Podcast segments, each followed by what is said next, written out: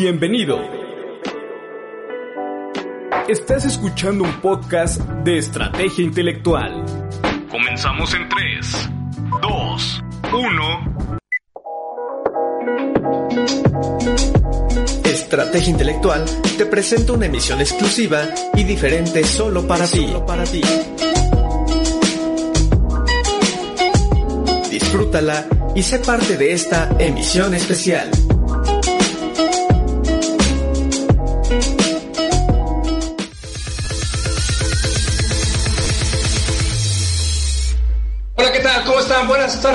Buenas tardes, México. Buenas noches, Italia. ¿Cómo están? Bienvenidos. Bienvenidos a un conversatorio más. Hoy, hoy tenemos un panel de lujo. Hoy vamos a hablar de un tema importante, novedoso, pero tenemos, híjole, ¿qué les diría yo? Tenemos a las voces autorizadas en esta materia.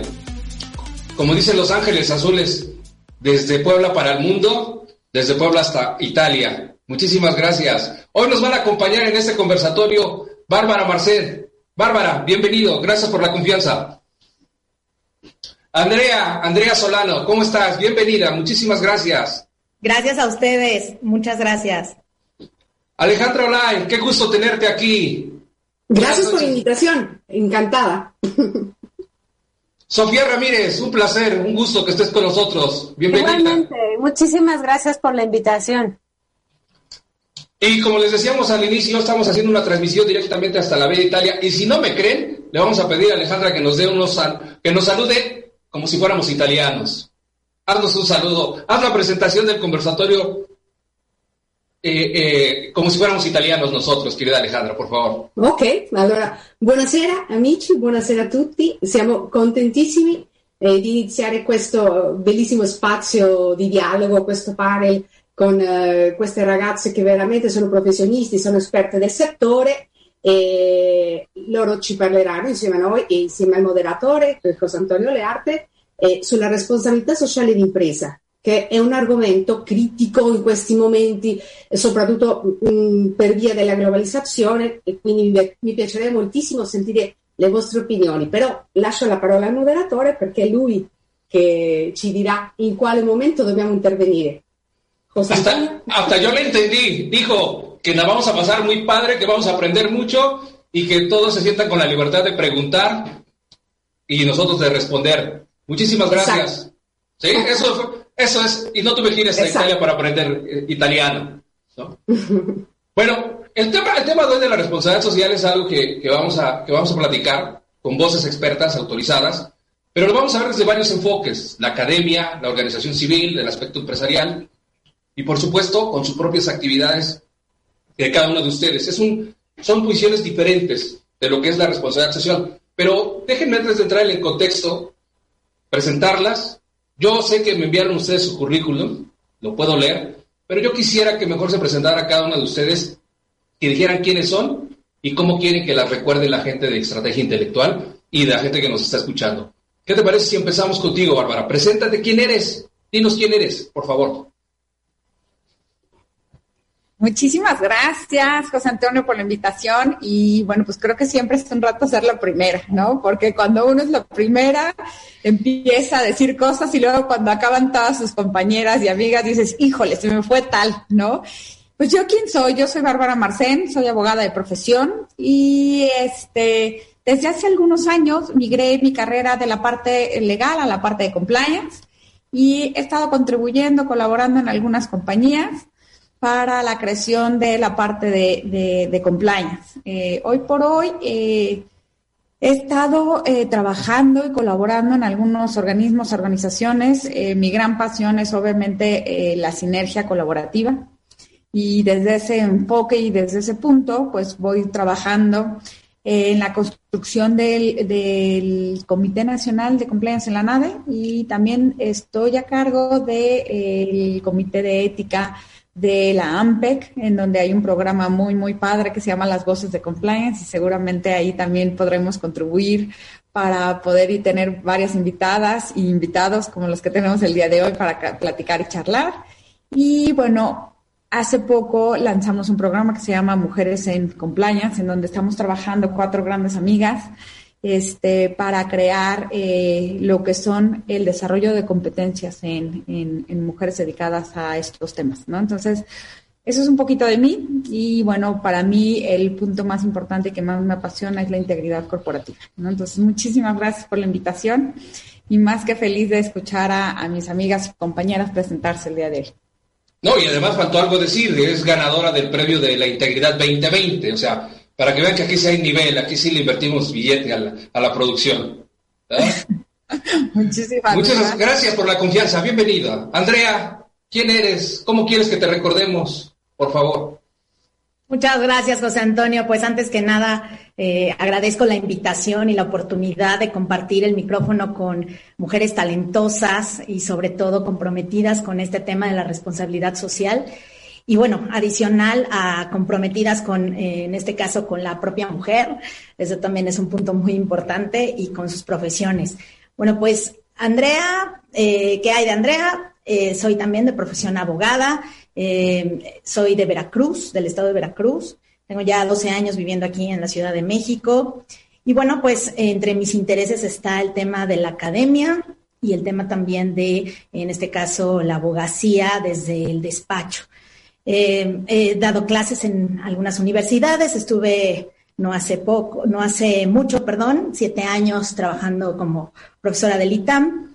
Y actualmente me encuentro como, en este caso, coordinadora del área de eh, eh, justo del área de responsabilidad social y de cultura de la legalidad en la Comisión Nacional de Compliance, que bueno, es un organismo que eh, ha sido creado precisamente para apoyar este tipo de temas, adicional a muchos otros en materia de cumplimiento. Adicional a eso, pues bueno, he tenido la oportunidad de, estar eh, al interior de empresas, trabajar para empresas nacionales e internacionales. Y actualmente tengo, tenemos un despacho en materia corporativa y litigio. Y eh, bueno, una de, la, una de mis pasiones es precisamente hablar del tema de eh, la responsabilidad social en materia empresarial, del impulso que debemos de darle al día de hoy, no porque sea un tema novedoso, sino porque es un tema imperante y necesario. Eh, nuestros tiempos lo exigen. Y adicional a eso, no perder de vista el tema de, de, de cómo socializar este tipo de, de temas eh, con, el, con, el, con el punto del, de la empresa y por el otro lado del respeto a los derechos humanos. Entonces, bueno, pues mi pasión ha sido eh, estos temas, la cultura de la legalidad y pues muchas gracias por de nuevo por la invitación y por la oportunidad. Muchísimas gracias, bienvenida, gracias por la confianza. Sofía, por favor, dinos quién eres, cómo quieres que te recordemos. Gracias. Pues primero que nada, José Antonio, en verdad aprecio muchísimo no solo el espacio para mí, sino el espacio, como decía Andrea, lleno de mujeres que además poco a poco hemos ido, digamos, eh, recibiendo cada vez más atención como grupo. Pero bueno, pues yo quiero destacar que eso no es ningún favor. O sea, las mujeres también somos personas, a pesar de que eh, no funciona así el mundo. Y, y me parece particularmente importante que espacios como este, como el tuyo, pues nos den voz a, a, cada una de nosotras en estas diferentes áreas en las que nos desempeñamos. Yo soy eh, activista, yo soy representante de sociedad civil en esta, en esta mesa. Eh, llevo más o menos cinco años en sociedad civil, empecé en Mexicanos contra la Corrupción y ahorita estoy eh, como directora general de México, como vamos desde hace un mes. Eh, en, en mi anterior organización, en Mexicanos contra la Corrupción y la Impunidad, echamos a andar un índice de integridad corporativa que lo que busca es eh, identificar dentro de la lista de las 500 empresas más grandes de México según expansión.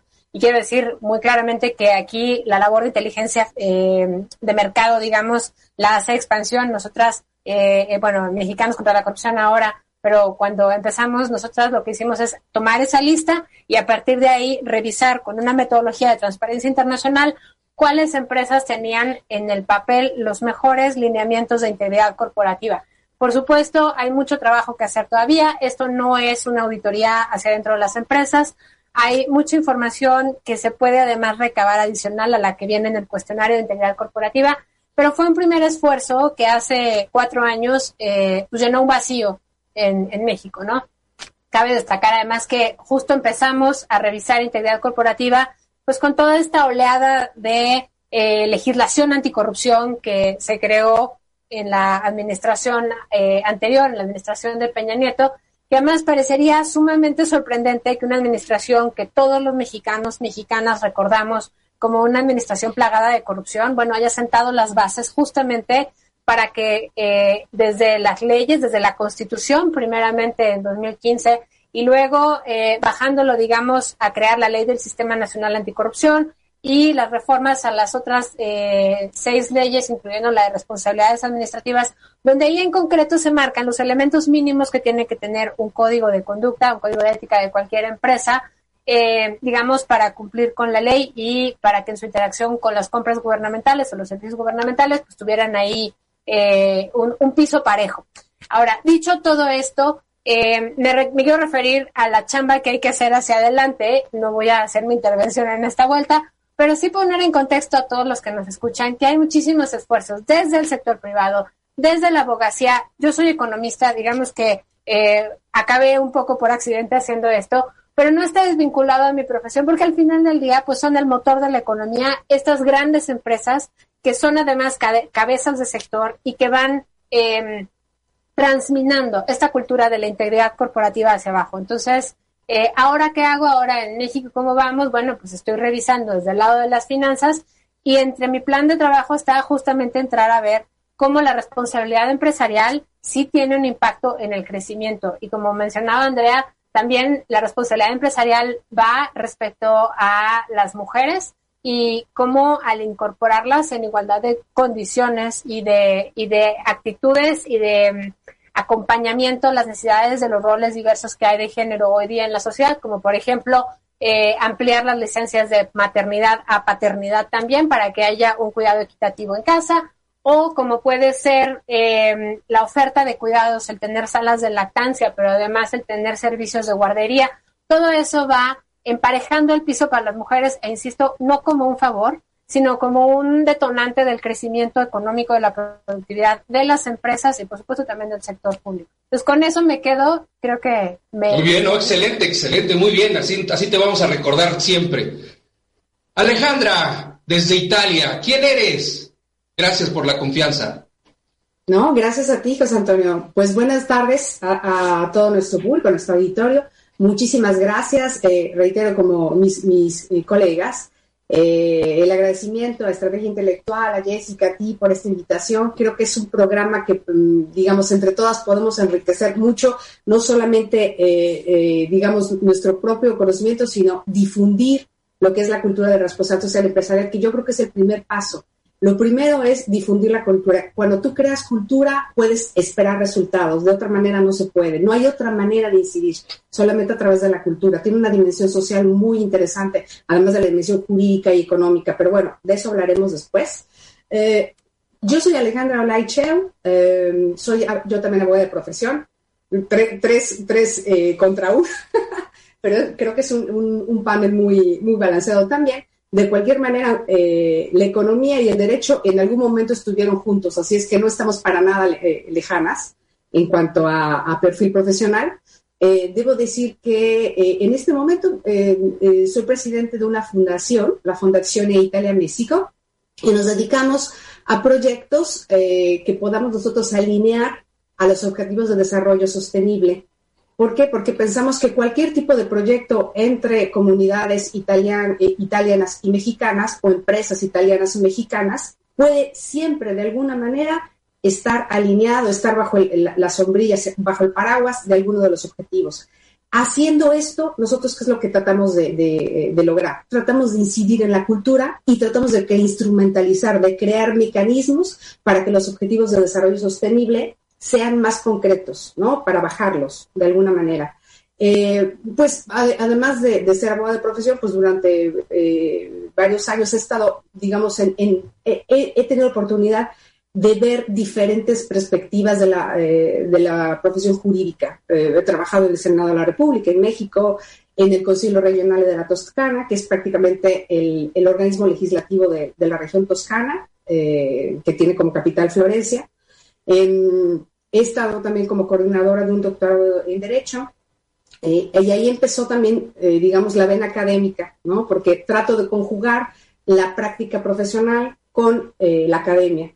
eh, durante algunos años estuve trabajando en México como profesora de Derecho Internacional Privado, de Sistemas Públicos Comparados, de Sociología Jurídica, que son todos temas que al final me han servido para entender o tratar de entender un poquito mejor este fenómeno tan complejo de la responsabilidad social. Eh, por otro lado, eh, bueno, después me interesó el tema de responsabilidad social desde el punto de vista ya eh, del doctorado. Hice una tesis doctoral sobre, sobre, sobre esto y después un libro publicado por Porrúa exactamente el año pasado. Apenas tiene un, menos de un año de haberse publicado el libro. y bueno, pues básicamente esos son mis intereses y agradezco mucho por, por la invitación. Y, y, yo me voy, y yo me sumo a, a ese currículum y amiga mía también, por favor por favor, por favor. ¿eh? Muchas gracias. Bueno, hace rato, decía, decía Sofía que nos agradecía a nosotros. La verdad es que no tiene que agradecernos porque nosotros como líderes y como líderes de opinión, nosotros creemos en el gobierno corporativo, en las buenas prácticas de gobernanza empresarial y esta empresa está siendo dirigida por una mujer. Ustedes ya tuvieron la oportunidad de conocer a Jessica Estrada. Hoy no se encuentra con nosotros porque estamos atendiendo un evento eh, de talla nacional en Los Cabos. Ella está a cargo de la producción. Pero no podríamos nosotros ser los líderes si no tuviéramos la participación de las mujeres en los puestos directivos. Nosotros lo predicamos con el ejemplo y debo decirlo con mucho orgullo que no es el primer foro donde han estado las mejores mujeres de su profesión. Son varios y seguirán habiendo muchos más porque esta es, esta es la contribución que nosotros hacemos a este país. Como hombre, es la contribución que yo hago y como especialista en gobiernos corporativos, pues aplico la, la recomendación número 15 de las buenas prácticas de gobernanza empresarial y tuve el honor y la, fortuna de poder participar con la senadora Vanessa Rubio cuando se aprobó que las mujeres ingresen a los consejos de administración. Entonces, tenemos un compromiso muy en común. Dicho esto, y un poco haciendo alusión de quiénes somos y por qué estamos haciendo esos conversatorios, pues bueno, ustedes ya entremos en materia, ya vieron ustedes la pasión, ya se dieron cuenta ustedes de, de qué lado, como se dice en el barrio, de qué lado más la iguana, ya vieron, van a ver de qué lado, van a ver la visión empresarial, profesional, académica, civil, pero sobre todo humana. Recientemente se ha estado hablando de corrupción, anticorrupción, integridad, compliance, gobierno corporativos, políticas de bienestar, eh, ahora una ley por ahí. Se ha hablado mucho de responsabilidad civil, este, extinción de dominio, pero es una, es una, es una, son demasiadas, demasiados conceptos y muchas definiciones que todavía no logramos articular un discurso. El objetivo de este, conversatorio es, cuando menos, que tengamos una idea clara de qué es la responsabilidad social aplicada a las empresas, qué es lo bueno de tener una, una empresa socialmente responsable o qué es lo malo de tenerla, y sobre todo lo que queremos es dejar un mensaje claro de que tal vez estamos haciendo cosas que no debieran de ser, no porque lo quisiéramos hacer, sino a lo mejor estamos haciendo prácticas que no son correctas, pero que la inercia, la vida, el sistema nos está llevando.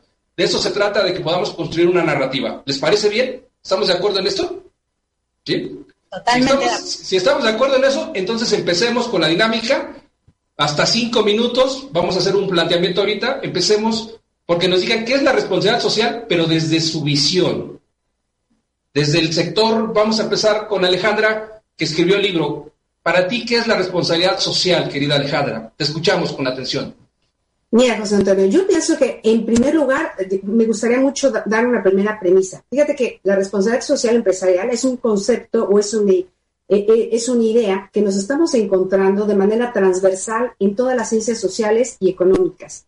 Si tú te fijas, de este concepto se está hablando, te, habla lo mismo un, eh, un político, un legislador, un economista, un contador, un abogado en realidad es un término, yo quisiera decir que es un término jurídico, pero en realidad no, porque no nació, no es un término propio de la jerga jurídica, es un término importado. ¿Por qué? Pues bueno, es, en realidad esto nació sobre todo de la cultura de las empresas, ¿no? Este término que ahorita se está incorporando al lenguaje jurídico, en realidad se está incorporando de diferente manera, dependiendo del lugar en el, del que estés hablando, dependiendo del país del que estés hablando la manera y la velocidad en la que se está hibridando la responsabilidad social de empresa, ¿de qué depende? Desde el punto de vista del grado de avance, del nivel de, desarrollo de cada cultura jurídica. Es decir, tú no te puedes esperar tener una cultura de la legalidad, una cultura de los derechos humanos del mismo nivel en Japón, en China, en Rusia, en México, en Estados Unidos. realmente, si tú te pones a pensar, cada una tiene una conformación diferente. Entonces, la apertura que haya o el rechazo que haya a este concepto y estas prácticas, en realidad depende de eso, de qué tan hibridada está esta cultura de legalidad, ¿no? Entonces, dicho esto, eh, yo quisiera decir una cosa, el, concepto como tal, ¿no? En realidad, eh, creo yo que depende también del enfoque. ¿A qué me refiero? Si eres un jurista, pues podrás decir que el, la responsabilidad de la empresa puede ser un sistema regulatorio. ¿Por qué un sistema regulatorio? Bueno, sin ir más allá, tiene todos los elementos que conforman un verdadero sistema regulatorio. Eh, el sistema regulatorio por excelencia es el derecho, el orden jurídico, pero a la par, de manera paralela, se está creando un nuevo sistema regulatorio en virtud del cual eh, se prevén también incluso sanciones, ¿no? Hay, hay una manera de eh, auditar la responsabilidad social de la empresa y hay sanciones que no provienen necesariamente de una norma jurídica. ¿No? De hecho, me encanta que, esté aquí Sofía, porque una de las maneras en las que la responsabilidad social de la empresa se puede auditar es a través de las organizaciones de la sociedad civil. O sea que digamos que es un sistema completo, hay una hermenéutica en el sistema y no necesariamente tiene que ser a través de normas vinculantes. Gran parte del sistema regulatorio llamado responsabilidad social empresarial proviene de normas que no son vinculantes, que son auto, lo que nosotros llamamos autorregulación. Es decir, la propia empresa se da sus propias normas porque este tipo de, responsabilidad viene eh, digamos, después viene más allá de lo que es el cumplimiento jurídico. ¿Ok? Ahora bien, eh, para entender bien como qué es exactamente la responsabilidad social de la empresa, hay que entender, eh, es más, yo haría referencia a una, digamos, a una división muy famosa académica que hizo un, profesor de Georgia sobre la pirámide de, la de las responsabilidades de la empresa. La empresa, en primer lugar, hay que verla no solamente como el, el sistema, el conjunto de eh, elementos eh, de, la producción, es un sistema eh, de elementos de la producción. No, no es nada más capital y trabajo. En realidad la empresa es una dimensión social de poder, ¿ok? Y como dimensión social de poder, pues necesita un gobierno corporativo, por ejemplo, ¿no? Entonces, ¿qué, qué va a pasar? En la, empresa tenemos una cultura corporativa, ¿no? La cultura corporativa en el momento en que se vuelve una cultura eh, que está pensando no solamente en prever eh, riesgos, sino en obtener algún otro tipo de beneficio y dar una tasa de retorno social, en ese momento se vuelve socialmente responsable. Yo creo que esto es lo que la, la muy, muy tenue línea que distingue lo que es una empresa que cumple de lo que es una empresa que es socialmente responsable. No sé si, si, si soy clara. Es decir, todo lo que son el, cumplimiento de normas jurídicas, eh, de legislación, de una sentencia de un juez, de una sentencia arbitral, eh, de una norma, de, una NOM, ¿no? Está perfecto, pero eso nada más es cumplimiento. Cuando la empresa decide voluntariamente, y ese es el, y ese es el, digamos, el cuento del asunto, voluntariamente realizar un programa de acciones que van más allá de eso, ¿no? Sin que sean obligatorias, en ese momento se vuelve socialmente responsable. ¿Por qué? Porque está buscando ya sea utilidades para los accionistas que una tasa de retorno social. Es decir, va a haber un beneficio no nada más de tipo económico para la empresa, sino un beneficio para el ambiente e, y un beneficio para la sociedad.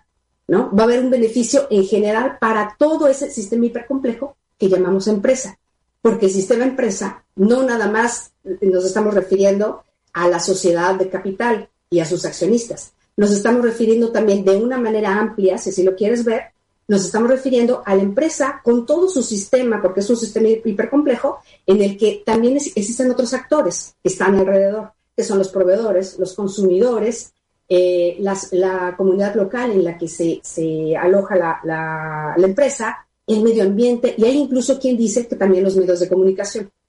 Entonces, todo este sistema de alguna manera se armoniza y la empresa se vuelve el actor central de este, este, se vuelve un factor de cambio en el que a través de un impulso voluntario de la empresa comienza a crear sinergias positivas con todos los demás actores. Para mí, esa es, la responsabilidad social de la empresa. Podríamos hablar, perdona, mil, mil definiciones digamos, académicas, eh, institucionales, lo que tú quieras, pero creo yo que esos son los dos puntos fundamentales, que la responsabilidad de la empresa son acciones voluntarias y que tienen una tasa de retorno social, además de que son, eh, además de la utilidad económica para la empresa. Muchísimas gracias, muchísimas gracias. Muy interesante tus comentarios. Ahorita tenemos chance ya de poder, de poder intercambiar opiniones. Bárbara, desde tu óptica como oficial de cumplimiento, dime, convéncenos, ¿qué es la responsabilidad social empresarial para ti? No, no tengo que convencerlos porque seguramente tenemos puntos de vista este, complementarios, ¿no? Parecidos, diferentes. Eh, pues obviamente eh, me dedico, como tú bien lo sabes, a la rama del cumplimiento, a la, rama del compliance. Pero a mí lo que me encanta de hablar de la responsabilidad que estás escuchando, Alex, mucha atención, es esta parte importante e interesante tenemos que verla desde muchas dimensiones. Y cuando hablo de muchas dimensiones es tenemos que ver el pasado, cómo se creó, tenemos que ver el presente, pero tenemos que ver el futuro. Porque si nos quedamos solamente viendo el pasado, pues obviamente pues no estamos haciendo como una actualización de lo que realmente está sucediendo. Yo creo, y, no sé si seguramente coincidirán o no, pero bueno, la cosa es ir abriendo el, diálogo entre todas. Eh, esta aguas que se dio con esta situación global y esta pandemia nos está dejando ver muchísimas cosas y no solamente esto, ¿no? Me decía Ale, ¿no? Los objetivos sustentables que están hasta el 2030, que hay muchísimas cuestiones, cuestiones tecnológicas y hay un sinfín de cosas que vienen hacia adelante. Y creo que para mí la responsabilidad, eh, coincido muchísimo, seguramente se me hubiera tocado hasta el final iba a coincidir con todas. Coincido con mucho que es una autorregulación, es un punto de vista voluntario, ¿no? Eh, es algo que no solamente da un beneficio directo a las compañías, sino también directamente al ambiente. Pero también creo que desde mi perspectiva, ¿no? Eh, es una de las ramas de los pilares de una integridad corporativa. ¿Y a qué me refiero yo con esto? Yo veo como paraguas general en esta época actual, ¿ok? No estoy hablando del pasado y del gloria, sino hoy por hoy, 2020, 2021, 2022, 2023 y todo lo que viene hacia adelante, yo lo que observo es que debemos ir evolucionando. Y cuando digo evolucionando es que necesitamos algo que sea sumamente robusto, que pueda sostener todos los movimientos que están presentes hoy por hoy y los que vienen hacia adelante. Y por lo tanto yo veo la responsabilidad como uno de esos pilares de esta integridad corporativa. Integridad corporativa, como todos los sabemos, en su definición básica, ¿no? Es eh, el punto medio, encontrar la sinergia entre todas estas, es la completud de elementos, es una visión 360, ¿no? Va mucho más allá de, de, muchas otras cuestiones que hemos estado platicando. Es lo mismo que si platicáramos del cumplimiento. El cumplimiento ha ido evolucionando desde los años 70, pero también es un pilar de esta integridad corporativa. Entonces, ¿qué es lo que yo observo? Pues yo observo allá adentro, ¿no? De la integridad corporativa, algunos de estos elementos y seguramente otras personas me dirán otros y los irán nutriendo y eso me encantaría para que podamos ir poniendo todos los elementos correctos en esta integridad, ¿no? Integridad, calidad de íntegro, calidad de completud calidad de todos los elementos.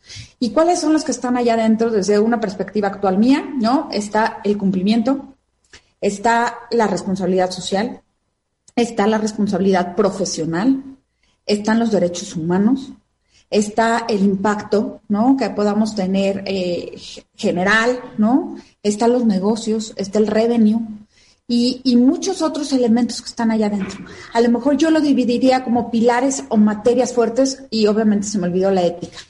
Y materias fuertes y luego elementos o productos que sustentan estas materias fuertes. Es como un triángulo. Arriba tenemos la integridad, luego está la ética, la responsabilidad profesional, la responsabilidad social, el cumplimiento y abajo podemos tener muchísimas herramientas que nos puedan ayudar, como cuáles, ya lo hemos platicado ahorita, las estaba escuchando, la transversalidad, la sustentabilidad, la sostenibilidad. Pero realmente tenemos que empezar ya, ¿no? Porque creo que esto fue evolucionando en los últimos 30, 20, 40 años. Tenemos que ir viendo qué forma le vamos a dar al futuro. A mí me encanta ver el futuro. Yo soy una persona súper visionaria, siempre estoy hacia adelante, ¿no?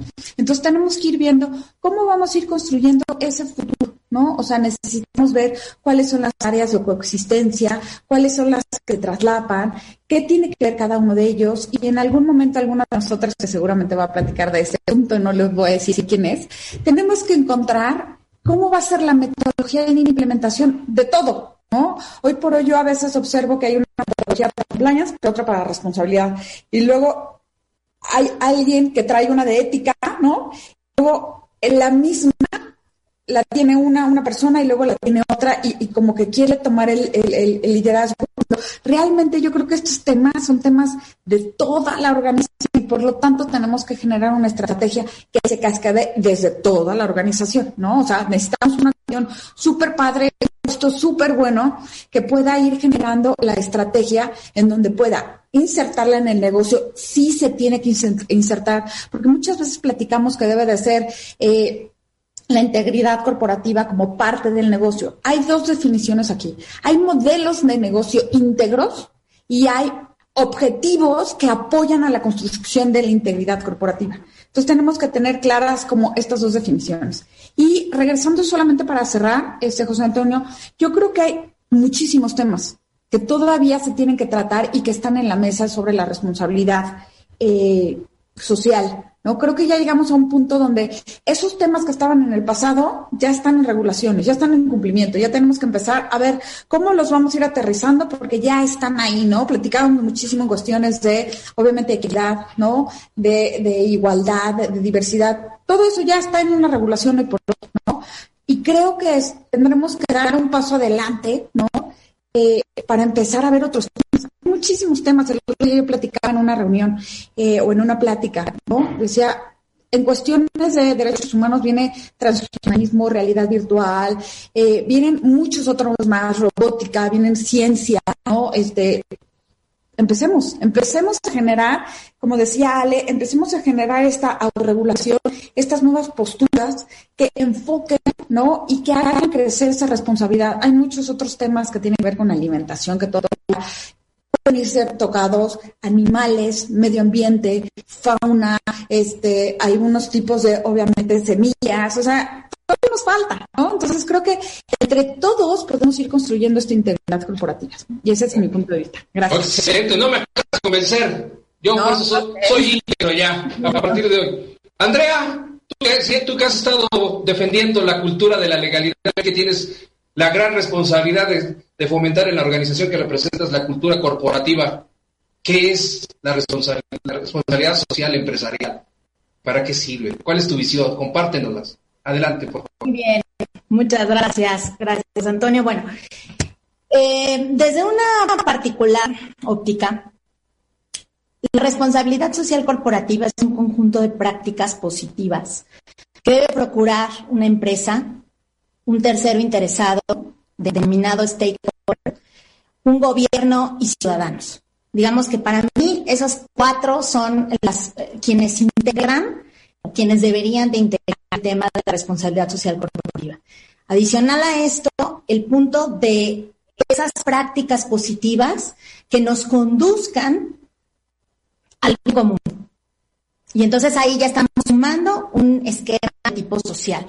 ¿Por al bien común? Porque a través de la responsabilidad social es que vamos a poder lograr la efectividad para el cumplimiento del respeto de derechos humanos algo que ya se tiene en, leyes, lo tenemos eh, en este caso plasmado en nuestra constitución política, pero que en la práctica todavía sigue siendo un tema, en este caso, pendiente.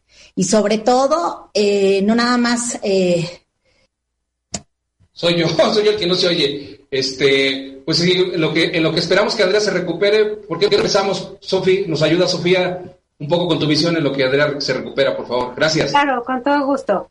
Em, a ver, a mí me gustaría eh, no, no repetir conceptos porque además, como, como bien se presentaron mis colegas, todas son las abogadas, las expertas y las compliance officers.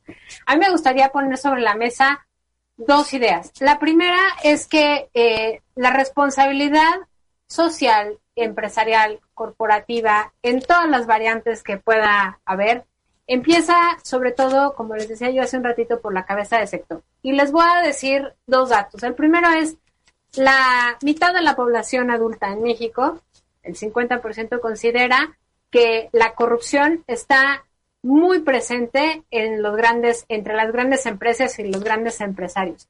Por supuesto que hay un tema de desigualdad social, hay un tema de reputación, pero también hay un tema vinculado a que cada vez que escuchamos un escándalo de corrupción del gobierno, del gobernador, del diputado, siempre hay del otro lado un asociado por parte del sector privado. Un notario, un gran empresario, alguien a quien le dieron los contratos, un prestanombres. Entonces, pareciera que si bien siete de cada diez mexicanos consideran que la corrupción está más presente en el gobierno que en cualquier otro eh, sector y solamente uno de cada diez mexicanos, mexicanas considera que está más presente en el sector privado. Lo cierto es que cuando le preguntas, bueno, ¿y entonces qué tan corruptos son los empresarios, las grandes empresas? La mitad de las respuestas te van a decir, no, muy corruptos por esta sensación de que cada vez que hay un escándalo de esta corrupción que es intangible, que no sabemos cuántos ceros hay asociados a los desvíos de recursos públicos, esta que es la que verdaderamente nos enoja y que además le costó en las urnas una cantidad brutal de votos al PRI y por supuesto eso trasladó, digamos, eh, amplió el margen de, de victoria de Morena en la elección de 2018. Bueno, pensando en que las cabezas del sector tienen esta doble responsabilidad, no solo financiera, monetaria, no solamente de capacidad de inversión, que ese es otro punto que ahorita voy a tocar. Cuando lo comparamos con la responsabilidad que tienen los pequeños negocios y comercios, porque eso también es algo que he escuchado muchas veces. Cuando yo llego a presentarle o llegaba yo a presentar la integridad corporativa a las grandes empresas, invariablemente me decían, bueno, pero no estás mencionando a los chiquitos negocios. Pues no, porque era un, un estudio, digamos, una referencia de la calidad de los eh, códigos de ética eh, y, y, de conducta de las empresas, las políticas de integridad en general. Cuando hicimos una encuesta sobre cuánta corrupción consideraba la gente que había entre los pequeños negocios, solamente una de cada cuatro personas decía que sí, que había mucha corrupción. Pero generalmente los pequeños negocios son los extorsionados, no son los extorsionadores, no son los eh, los agentes detonadores de la corrupción o los agentes eh, eh, desviadores, digamos, de la gran corrupción, de los tráficos de influencias. Generalmente, estos uno de cada cuatro mexicanos y mexicanas que consideran que la corrupción de las pequeñas empresas y de los pequeños negocios y de los pequeños comercios está muy presente, sí perciben que son las víctimas de la corrupción más estructurada a nivel sistema, a nivel Estado, a nivel sociedad, que los perpetradores. Entonces, por eso me parece que hay que eh, entender que la responsabilidad empresarial, por supuesto que empieza con aquel que pone su papelería o aquel que trasciende de la bicicleta de tamales a de repente ser el proveedor de tamales de otros. Eh, vaya, la importancia de entender que la responsabilidad social, si empieza ahí, es fundamental. Pero no quiero quitar el dedo de renglón que muchas veces esa responsabilidad social es muy fácil que se diluya si en la cadena productiva, si en la cadena comercial, si en la cadena de mando hacia arriba se van tapando eh, estas percepciones de, de responsabilidad o ese sentido de responsabilidad, porque sí hay que empezar a barrer las escaleras de arriba para abajo, porque la autoridad moral, la autoridad económica y la autoridad, digamos, incluso empresarial que existe en las empresas más grandes, sí va permeando hacia abajo en las cadenas productivas y por supuesto va sentando las bases de los términos de las relaciones que hay entre empresas y también que hay eh, al interior de las mismas respecto a su posición en el mundo. Ahora, eh, en mi experiencia también hemos visto que la responsabilidad social y la responsabilidad empresarial que las grandes empresas consideran que tienen, muchas veces pareciera ser, no, bueno, claro, yo voy a poner un, una cancha de fútbol y voy a darle mantenimiento a la comunidad en donde yo tengo destacamentada, digamos, o, puesta mi, mi, fábrica o mi empresa minera o lo que sea. Y muchas veces eh, pareciera que con eso eh, la empresa se queda tranquila, se lava la cara, digamos, ante la opinión pública, ante sus accionistas, incluso ante el gobierno del Estado, ante el gobierno municipal, ni se diga, pero por otro lado no pareciera estarle retornando con la misma tasa de, retorno tal cual de pago de beneficio a la comunidad en la cual está. porque tal vez en esa comunidad sí, sí, claramente todo el mundo necesita más espacios públicos en México. O sea, no estoy discutiendo que la cancha de fútbol no sea una cosa buena, pero no puedes parar tu responsabilidad en ello. Tienes que revisar cuáles son los indicadores de progreso social que hay en esa comunidad. Porque el progreso social no se mide necesariamente con pesos y centavos. Claramente cada uno de los servicios que implica el progreso social pues tienen que ver con recursos que se han destinado tanto al sector privado como al sector público. Pero es importante distinguir que a veces el progreso social tiene más que ver en cómo se está gastando ese dinero que se invierte, que se devuelve a la comunidad donde el empresario o la gran empresa están operando. Y eso va a hacer totalmente la diferencia, porque puede ser que a la gran empresa no le cueste demasiado, además en el margen, contratar a alguien que esté al pendiente de que la comunidad en donde está su planta esté contenta, esté bien, eh, entender cuáles son el tipo de problemas que enfrentan y eh, probablemente digan, no, pues ya también ya les pinto el teatro y les pongo una fuente bonita en la plaza.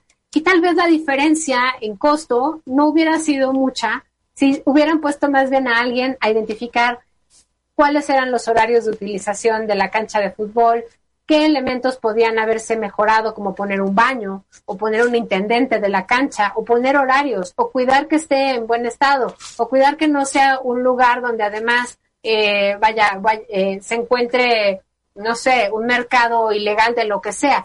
Vaya, creo que ese tipo de acciones en el margen, incorporar a la percepción de la responsabilidad empresarial este sentimiento de si si eres un agente de cambio o un agente de estancamiento, es muy importante. Y cierro mi intervención con, con unos datos que me parecen particularmente relevantes. En esta pandemia estamos viendo cómo la inversión fija bruta, es decir, la inversión en capital, está cayendo. Y está cayendo, por supuesto, por el tema de la pandemia, porque la capacidad instalada de las empresas es tal que ahorita se está subutilizando, porque dada la pandemia, pues todo el mundo está regresando al 30, al 40, al 50% con medidas de distanciamiento, con gastos adicionales. Eso lo puedo entender. Pero ya veníamos con una trayectoria a la baja. Actualmente, en el segundo trimestre del año, cerramos y insisto que es obviamente el trimestre de mayor afectación que hubo en términos del confinamiento. Eh, cerramos con 17.9, casi 18% del PIB en términos de inversión fija bruta y este número eh, se contrasta muchísimo con el trimestre anterior, el primer trimestre del año, donde teníamos casi 20% del PIB en inversión fija bruta. Bueno, hasta ahí todo bien, me dices, bueno, pues entre 20 y 18 realmente no hay mucho. No, pero lo que importa es la tendencia. Cuando nos vamos hacia atrás, vemos que en 2019 este porcentaje era del 20%, en el último trimestre, de 21% en el trimestre previo, y así hacia atrás. Y cuando yo me regreso, ¿a cuándo fue la última vez que el porcentaje de inversión fija bruta estuvo tan baja como el primer trimestre de este año? Fue en 2014. Y cuando yo intento ver cuándo fue la última vez que el porcentaje de inversión fija bruta fue menor al 20%, me remonto a 2002. Ya no estoy hablando ni siquiera de la crisis financiera que hubo en, en 2009, no estoy hablando de los cambios de administración, no, estoy remitiéndome a hace más de tres sexenios, donde además había características político-estructurales muy particulares y distintas, y pareciera que sí es una tendencia a la baja, no solo en el crecimiento económico, sino la certeza que esta administración federal le ha quitado a las empresas para eh, invertir y sin embargo esta inversión es fundamental para poder generar bienestar a las comunidades donde están las plantas y esto me lleva al regreso de la responsabilidad social empresarial. No puede quedarse con decir yo ya gasté mis dos millones de pesos en cada una de las tres plantas que tengo en México y con eso me quedo tranquilo. No. Eh, los invito a, a, ustedes, por supuesto, las invito a ustedes en el panel, pero también a todos los que nos estén escuchando a echarse un clavado a la página de México, cómo vamos.mx. Tenemos ahí una serie de semáforos económicos que tal vez para los no economistas puedan decir, bueno, y a mí qué me importa si creció o no la economía. Bueno, sí nos, nos debiera importar a todos porque de eso va a depender el nivel de bienestar que se va a poder financiar. Y como ustedes saben, esta pandemia va a dejar, no sabemos si 6 o 10 millones de pobres adicionales a los, a los 53 millones que ya teníamos. Es muy importante, es central que la responsabilidad de la recuperación sea de todos. No lo puede hacer el gobierno solo porque el gobierno no tiene los recursos. Las empresas, sobre todo las grandes empresas, tienen un doble mandato y una doble responsabilidad, por supuesto, de reactivar sus, sus eh, procesos económicos con sana instancia, cuidar a sus empleados, pero también pensar en el largo plazo. Este shock de la pandemia no va a durar para siempre. Yo sé que parece que ya llevamos una década encerrados, sí, se ha hecho muy largo y tampoco vamos a acabarla pronto a principios del próximo año. Va a durar por lo menos el primer semestre del próximo año con unos niveles de mucho contagio y poca actividad económica. Esas son mis predicciones, no las de la organización, pero aún así eh, vale la pena pensar en que pasando este shock, ¿cómo queremos recuperarnos? ¿Cómo queremos que sea esta eh, nueva capacidad de reinventarnos como sociedad? Y por supuesto, eso me lleva, y ya ahora sí con esto me callo, al tema de la responsabilidad social de las empresas en términos de sustentabilidad.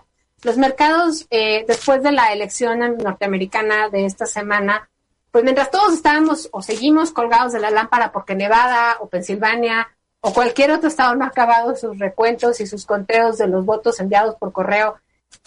A pesar de todo este nerviosismo político, a pesar de las amenazas del todavía presidente Trump, a pesar, a pesar de todo, los mercados amanecieron en la jornada del día siguiente de la, de la elección, es decir, del lunes, del miércoles 3, con su mejor jornada postelectoral en 120 años.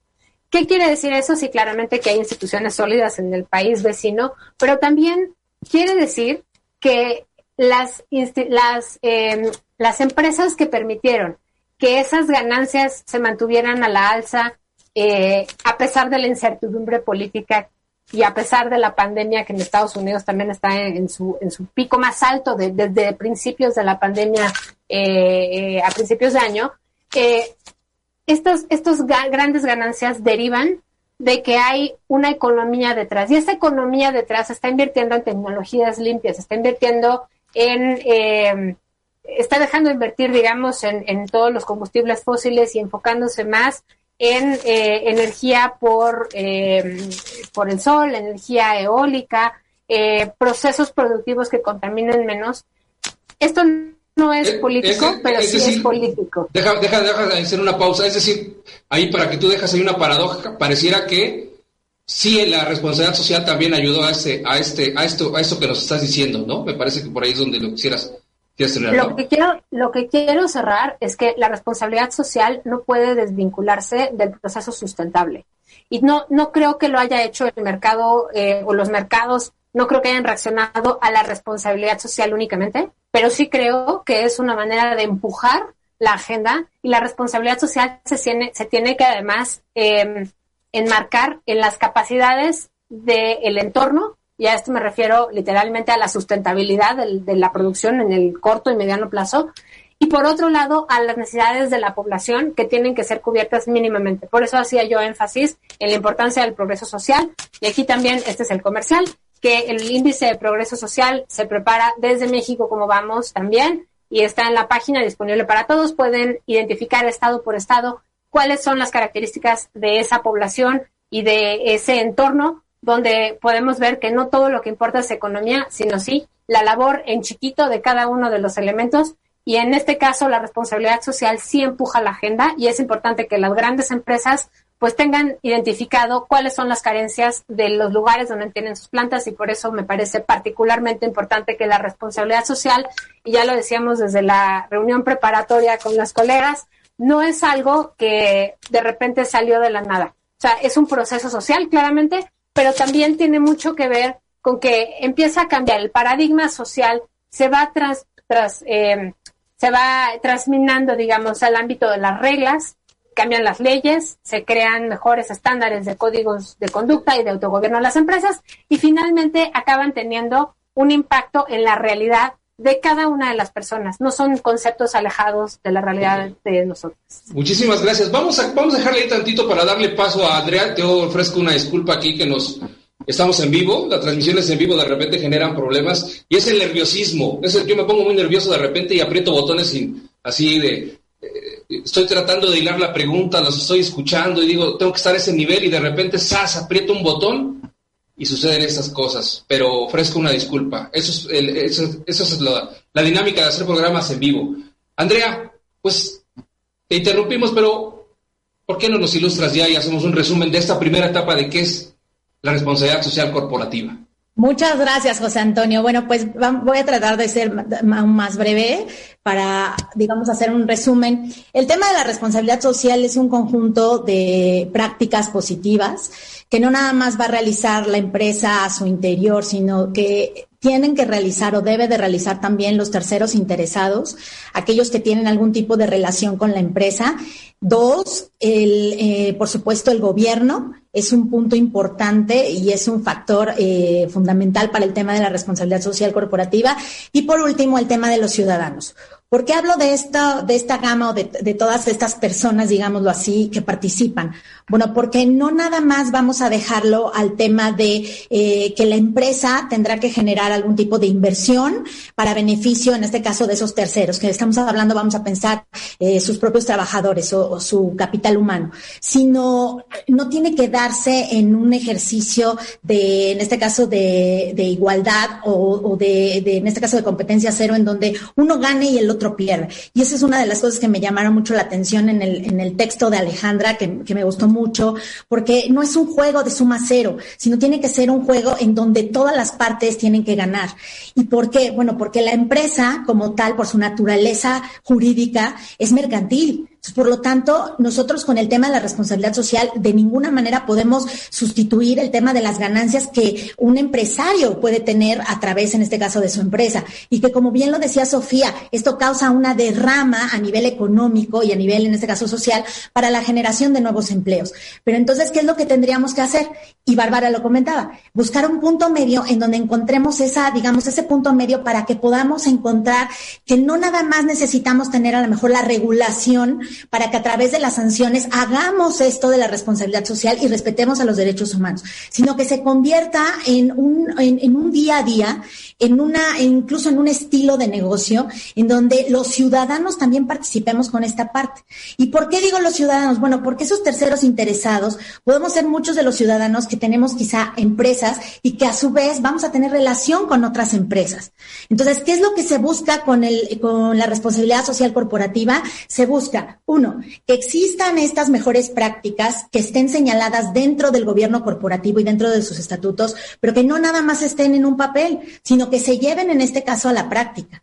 Que el tema de los derechos humanos sea algo real y esto lo, mejor, seguramente Alejandra lo va a tocar en su momento, pero cuando vemos cómo nace el tema de la responsabilidad social corporativa, nos encontramos y nos vamos 100 años atrás con la creación de la, eh, de la Organización Internacional del Trabajo, en donde ahí vemos la materialización de la responsabilidad social corporativa donde vemos cómo a través, en este caso, del respeto de los derechos laborales, se está contribuyendo con el tema de la responsabilidad social.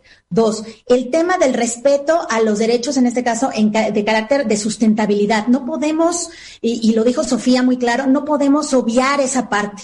Y creo que aquí hay algo que a lo mejor no lo hemos mencionado y nuestro auditorio seguramente lo quiere escuchar porque no nada más el tema de la responsabilidad social corporativa va para las empresas grandes, sino también va para las empresas medianas y las empresas pequeñas. Y digamos que este costo-beneficio y esto que esta implementación no lo debemos de, ver como una carga más que a lo mejor a través de una legislación o que a través del propio gobierno los empresarios eh, frenen en este caso su capacidad del emprendimiento. No, yo creo que lo debemos de ver como algo integral, en donde todos debemos de participar. Y algo con lo que me gustaría cerrar es el punto también de la responsabilidad social corporativa, que ya lo habían dicho, es no nada más el tema de los del respeto a los derechos laborales, sino también el respeto, en este caso, a la paridad de género, el respeto a la inclusión de, en este caso, personas con capacidades diferentes, el respeto a la inclusión incluso con personas de la tercera edad, adicional a lo que nosotros ya conocemos, que es el tema eh, ecológico, el tema de la sustentabilidad. Entonces, si yo como empresario le genero en este caso beneficios y derechos que ya se encuentran en una ley federal de trabajo, que ya se encuentran en una constitución política a mis trabajadores, pero que adicional a eso yo sé que esta inversión es algo que me va a retribuir. ¿Por qué? Porque no me va a dejar, eh, no va, no, no, no va a mermar, mermar mi ganancia voy a seguir ganando, pero por el otro lado le voy a dar los beneficios que por derecho ya tiene y que adicional a eso estoy generando un bienestar a nivel social. Quiero terminar con lo siguiente y todos, todos tocaron ese punto y esto me parece fundamental. Creo que hoy el tema de la pandemia, el tema del COVID-19 fue algo que puso en tela precisamente de juicio lo que de verdad es la responsabilidad social en las empresas. Para muchas empresas fue totalmente, para unas imposible y para otras fue de mucho mayor peso el tema de la economía que nos queda claro que nos pegó a todos, pero para muchos tuvieron que en este caso sacrificar el tema de que de la implementación de trabajos, hubo despidos masivos, hubo incluso eh, trabajos en donde los mismos trabajadores tuvieron en este caso que optar por renuncias y esto que estamos viendo no es algo que nada más haya dado en México es algo que se da a nivel mundial. Entonces, creo que si nosotros aprendemos a ver que el tema de la responsabilidad social va totalmente ligado al tema del bien común y al tema de los valores y al tema de la integridad que debemos de tener nosotros a nivel ciudadano, creo que eso va a hacer que el día que nosotros emprendamos en un negocio, no nos va a costar, aunque, o sea, digamos, la carga económica no va a ser un factor para nosotros decir, ¿sabes qué? Yo prefiero tener una empresa en donde genero prácticas de responsabilidad social corporativa, más allá de que me lo esté diciendo una norma, porque ya sabemos que ahorita existe, en este caso y más adelante lo vamos a platicar, la iniciativa de la ley de responsabilidad empresarial que me parece, me parece extraordinario aunque tiene muchas cosas que, que, podemos platicarla, pero me parece extraordinario porque, porque quizá nosotros lo que debemos hacer es entrar en un tema justo de cumplimiento. Y, a veces ese tema de cumplimiento no nada más lo vamos a alcanzar con una charla, con un conversatorio, con una ley, sino lo tenemos que alcanzar a nivel sinérgico.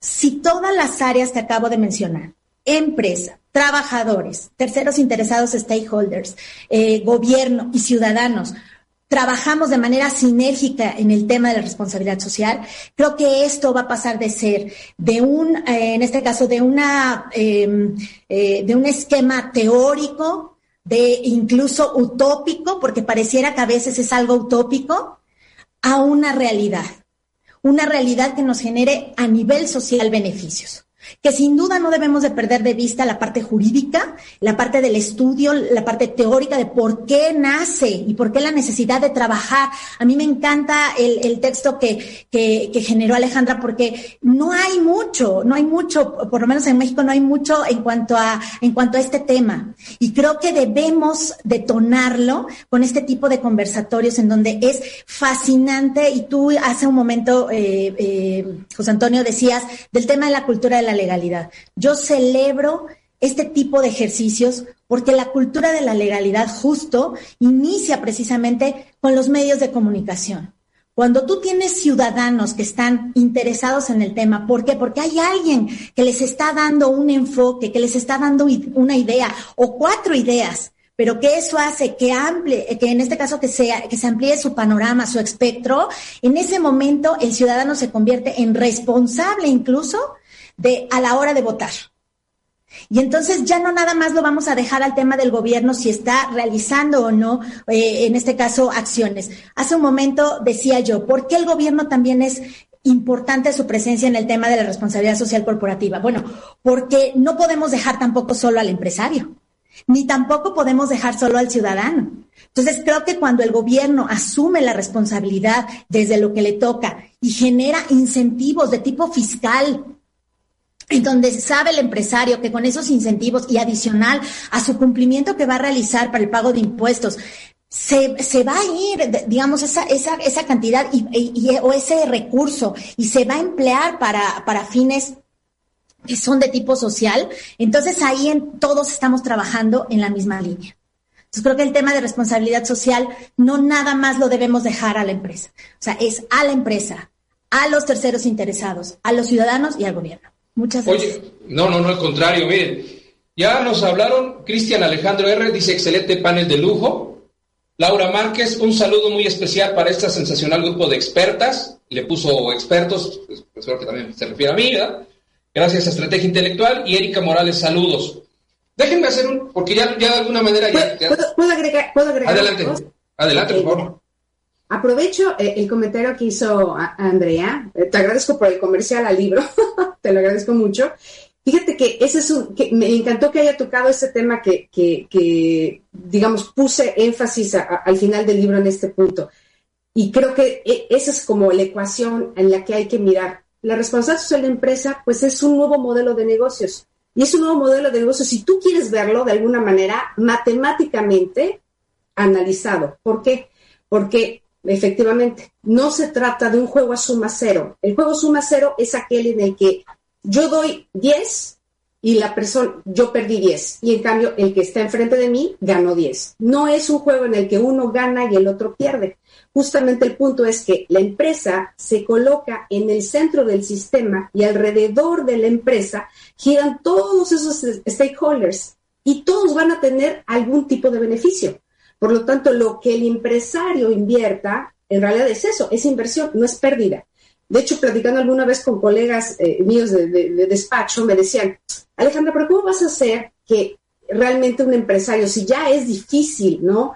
Que, cumpla, ya es difícil, ya nos lo dirá también Bárbara, ¿no? Que tanto es difícil que una empresa cumpla al 100% con toda la normativa que existe en México. Ahora imagínate si además van a pensar en ser socialmente responsables. Eso déjaselo solo a las multinacionales, porque además de las multinacionales nadie más lo va a hacer. No, bueno, es que no es el punto justamente por ser voluntaria, todo este tipo de actividades que son voluntarias y que la misma empresa, analizando con su gobierno corporativo y sobre todo con su misión y visión de empresa, qué es lo que puede y qué es lo que no puede hacer, además de que qué es lo que realmente puede hacer, conforme también a su presupuesto, pues entonces podemos entender que va a empezar a establecer un tipo de alianza, si así lo quieren ver, ¿no? Es un tipo de alianza la que se establece con la sociedad, con el consumidor, porque tú, por ejemplo, en el momento en que tú, eh, como empresa, le transmites al consumidor confianza, saben que, es una empresa que no eh, hace publicidad engañosa, que eh, se empeña por el ambiente, etcétera, tú estás mandando señales al mercado. Es, una, es un tipo de ventaja competitiva. Es un nuevo modelo de negocios. Esa ventaja competitiva lo que va a hacer es que va a incrementar tu capital reputacional. Entonces, no es que tú estés nada más perdiendo como empresa, tú estás invirtiendo para que el nombre de tu empresa valga más. Entonces, en el momento que valga más, ustedes, o sea, pensemos nada más, ¿no? En realidad, lo que más vale en una empresa no son los muebles, no es el edificio en el que está, son los intangibles. Hay dos intangibles muy importantes, la marca y tu reputación. Entonces, si tú inviertes en responsabilidad social corporativa, tú vas a obtener una tasa de retorno inmediata y si no inmediata, en el, mediano plazo lo vas a notar porque tu marca se va, eh, se va a incrementar de, precio. Incluso si en algún momento tú dices, bueno, yo quiero vender o me quiero fusionar, en el momento que hacen un due diligence, tienen que analizar cuánto vale tu marca y la posición que tienes en el mercado. Entonces, tú al haber invertido en responsabilidad social empresarial, ya te posicionaste mucho más alto que tus demás competidores. Entonces, realmente sí tienes una utilidad. Hay, hay una utilidad práctica. Mucha gente a lo mejor al principio no le intuye, ¿no? Dice, no, pero es nada más un, es un gasto, es una pérdida, no es cierto, para nada. Y esto, como bien lo decía Andrea, no nada más eh, se, trata de una eh, estrategia para empresas multinacionales, porque los beneficios que van teniendo los diferentes tipos de empresas, también las pymes los tienen, se van a ir notando en el tiempo. Simplemente el hecho de que tú establezcas una red eh, de confianza con tus propios trabajadores va a hacer que el rendimiento del trabajador sea mejor tú estableces de manera implícita una lealtad con tu trabajador. Y el trabajador va a estar más dispuesto a dar por, la empresa que si se siente, eh, digamos, eh, prácticamente... Eh, utilizado. Utilizado, sí. No me venís que, overato me venía la, palabra en italiano, en español. Pero eso es lo que sucede. Entonces, en, realidad, la tasa de retorno social y la tasa y, y el incremento de las utilidades, por supuesto, que son el, mejor beneficio que puede venir de la responsabilidad social de la empresa. No es un gasto, es una inversión. Ahora, pero déjenme a mí, porque suena muy, suena, ahora déjenme ser un poco el abogado del diablo, porque suena muy bien en el sentido de de qué país estamos hablando, de qué mundo estamos hablando, porque eh, ¿cómo hacer o cómo entender como un ciudadano común y corriente lo que es filantropía, lo que es caridad, lo que es obligación, lo que es cumplimiento, lo que es regulación. Si al final todo está, todo, todo lo que esta, esta administración y los expertos dicen es todo tiene que ser de manera voluntaria, todo tiene que ser en beneficio del bien común. ¿Cómo entenderlo? Porque entonces hablaríamos de dos tipos de empresas y otra vez metemos a la discusión los dos mundos, ¿no? Y entonces no vamos a poder, decía Sofía hace un rato, bueno, si es muy padre que, se, que, que, que, le inviertan en la infraestructura social, porque si no hay infraestructura social, pues no hay desarrollo. Pero ¿cómo le haces tú para aquel que recibe ese, ese beneficio, en este ejemplo de esta cancha, que sepa que lo están dando no por, no por un medio para generar producción o riqueza, sino como un medio para que puedas desarrollar tus habilidades, simplemente el hecho de ser feliz. ¿Cómo le hacemos, Bárbara? Porque tú traes ese tema mucho de la parte del, del, human compliance, de la parte humana, porque al final todo esto, todo esto termina en personas haciendo el bien en beneficio de otras personas, preparándose en la alta dirección, preparándose cumpliendo normas, cumpliendo principios, cumpliendo, pero son personas. ¿Cómo arraigamos esas culturas de la sociedad? ¿Cómo las empatamos en una empresa para que esta empresa le devuelva a la sociedad todo lo que ustedes acaban de decir. ¿Cómo le hacemos, Bárbara? Creo que es súper interesante lo que estás diciendo y creo que lo primero que tenemos que hacer y, y es muy importante es aterrizar perfectamente bien las definiciones. O sea, ¿cómo se va a ocupar cumplimiento? Y, y, lo vuelvo a decir como lo decía hace rato, o sea, ¿qué es cumplimiento y qué es ética y qué es responsabilidad social y qué es responsabilidad profesional. Porque si seguimos en general, ¿no? En la sociedad de México, ocupando los términos de forma eh, amplia, no vamos a llegar al resultado tangible. Para poder tener resultados en corporaciones y tener resultados en sociedades, tienes que ocupar perfectamente bien la metodología y la definición de cada una de las palabras con las distinciones correctas. Entonces, creo que debemos acotar qué es la responsabilidad social, y qué es el cumplimiento y qué es cada una de ellas. Una vez que las tengas perfectamente claras y definidas, tienes que tener claro cuál es el scope de la persona que lleva cada una de ellas, porque obviamente cada una de ellas en su ámbito individual va a tener un resultado específico. Si hablamos de forma general, nunca vamos a alcanzar el resultado específico. Y ya que lo tengas ahí claramente, tienes que generar una metodología para cada una de ellas y ver si dentro de la metodología hay algunas que se traslapan. Puede haber que en un programa que tenga que ver, y ahorita entro tu pregunta de derechos humanos o human compliance, puede ser que en un programa que tenga que ver con eh, igualdad, diversidad, equidad, es un programa que ya tiene eh, una norma, una regulación, y por lo tanto, como tiene una norma y una regulación, puede tener una metodología de aplicación. ¿Cuál puede ser la metodología de aplicación? Hay muchas, muchas, muchas de las que nos podemos apalancar, pero debe de haber una metodología. Y a lo mejor en esa metodología o en ese tema vamos a hablar equidad de género, ¿no? Un tema de human compliance. Tenemos equidad de género, ¿no? Y la primera pregunta es, ¿quién lo va a llevar? ¿Lo va a llevar recursos humanos? ¿Lo va a llevar responsabilidad social? ¿O lo va a llevar compliance? ¿O lo va a llevar el abogado? ¿no? O sea, aquí ya tenemos varios, ¿no? Desde mi punto de vista, lo tendríamos que llevar todos para podernos sentar en la mesa y desde donde estamos todos ver cómo queremos construir el cubo de equidad de género en este caso. Entonces, la de recursos humanos diría, esto es lo que creo que es importante, el de compliance diría esto, a lo mejor el abogado observaría algunas otras cuestiones que el de compliance en su manejo de riesgos no está observando y él se mete más hacia la parte de la legalidad y la de responsabilidad dice, ¿saben qué onda? Se me ocurre que más allá de todo lo que están diciendo que ya está en ley, a mí me encantaría, ¿no? Y como lo decía Alejandra, de forma voluntaria y autorregulatoria, de acuerdo a esta compañía, a este sector, a, a este no sé, retail o energía, me encantaría incluir estos dos puntos en relación a equidad de género. Entonces, ahí ya tienes un 360. Ya que tienes el 360, que es el producto, ¿no? Donde están los puntos de vista de todos, cada quien desde su expertise, hay que generar una metodología. quienes han trabajado mucho en la generación de metodologías de implementación, ajá, ha sido, eh, obviamente por las regulaciones internacionales y lo que te piden, el área de compliance tiene una fortaleza muy fuerte para generar metodologías y el área de responsabilidad tiene otra metodología para generar también un impacto.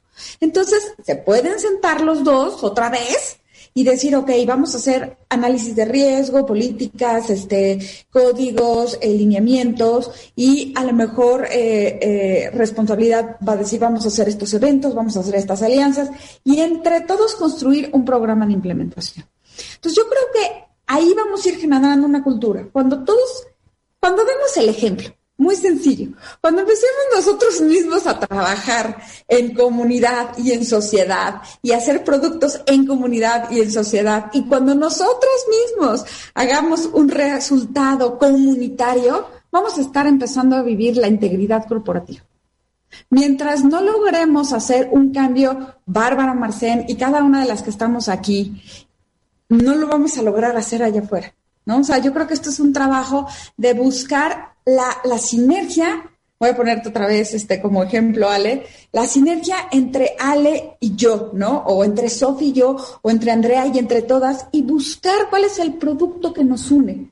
Y luego buscar la metodología, y luego buscar la forma cultural de irlo cascadeando hasta que trastoque a cada ser humano, a cada sociedad, a cada animal, a cada medio ambiente. Entonces yo creo que así lo vamos a hacer. Lo vamos a hacer cuando realmente, y perdón, con esto cierro, que ya te viene el micrófono, cuando realmente queramos hacerlo y cuando realmente queramos hacer un beneficio de impacto a la sociedad y no hacer de esto, ¿no? Algo que nos genere reconocimiento o que nos genere alguna otra cosa. Y hablando desde el punto de vista de las corporaciones, hay dos tipos, y ya lo decía en mi intervención anterior, hay dos tipos de compañía que se relacionan con la integridad corporativa. Una son las que dentro del modelo de negocio son íntegras. Y les voy a contar rápidamente una historia. Ahorita en la pandemia bajé el súper y había un señor vendiendo su cajita de huevos. Bueno, un señor, no crean señor, o sea, como nosotros y de nuestra edad, ¿no? Entonces él vendía su cajita y me le acerco y le digo, ay, qué, bonito, ¿qué, ¿qué vendes? No, pues vendo huevos, ¿no? ¿Cómo que vendes huevos? Pues sí vendo huevos porque este, con la pandemia yo vendía a determinados este, restaurantes y pues los restaurantes ya no me compran. dije, a ver, cuéntame de tu producto. El producto en sí mismo, el revenue del producto era para contribuir en comunidades, ¿ok? Entonces me quedé con él platicando, anonadada como media hora así, ¿no? Y me contó toda la estructura, eran comunidades con personas con capacidades distintas, donde ellos también trabajaban en la comunidad para recolectar los huevos, y el revenue de la de la, el revenue de la compañía se le regresaba a ellos, ¿no? Este, y obviamente tenían un PNL donde también cubrían distribución y también marketing. Me quedé feliz. O sea, le dije, te puedo dar un abrazo. Eres de las pocas compañías que yo conozco que realmente su modelo de negocio es íntegro. Eso es muy distinto a que generes valores o objetivos de negocio que impulsen a la integridad. Son dos cosas distintas. Entonces, la pregunta para el futuro, ¿no? Para todos nosotros es, ¿qué vamos a hacer?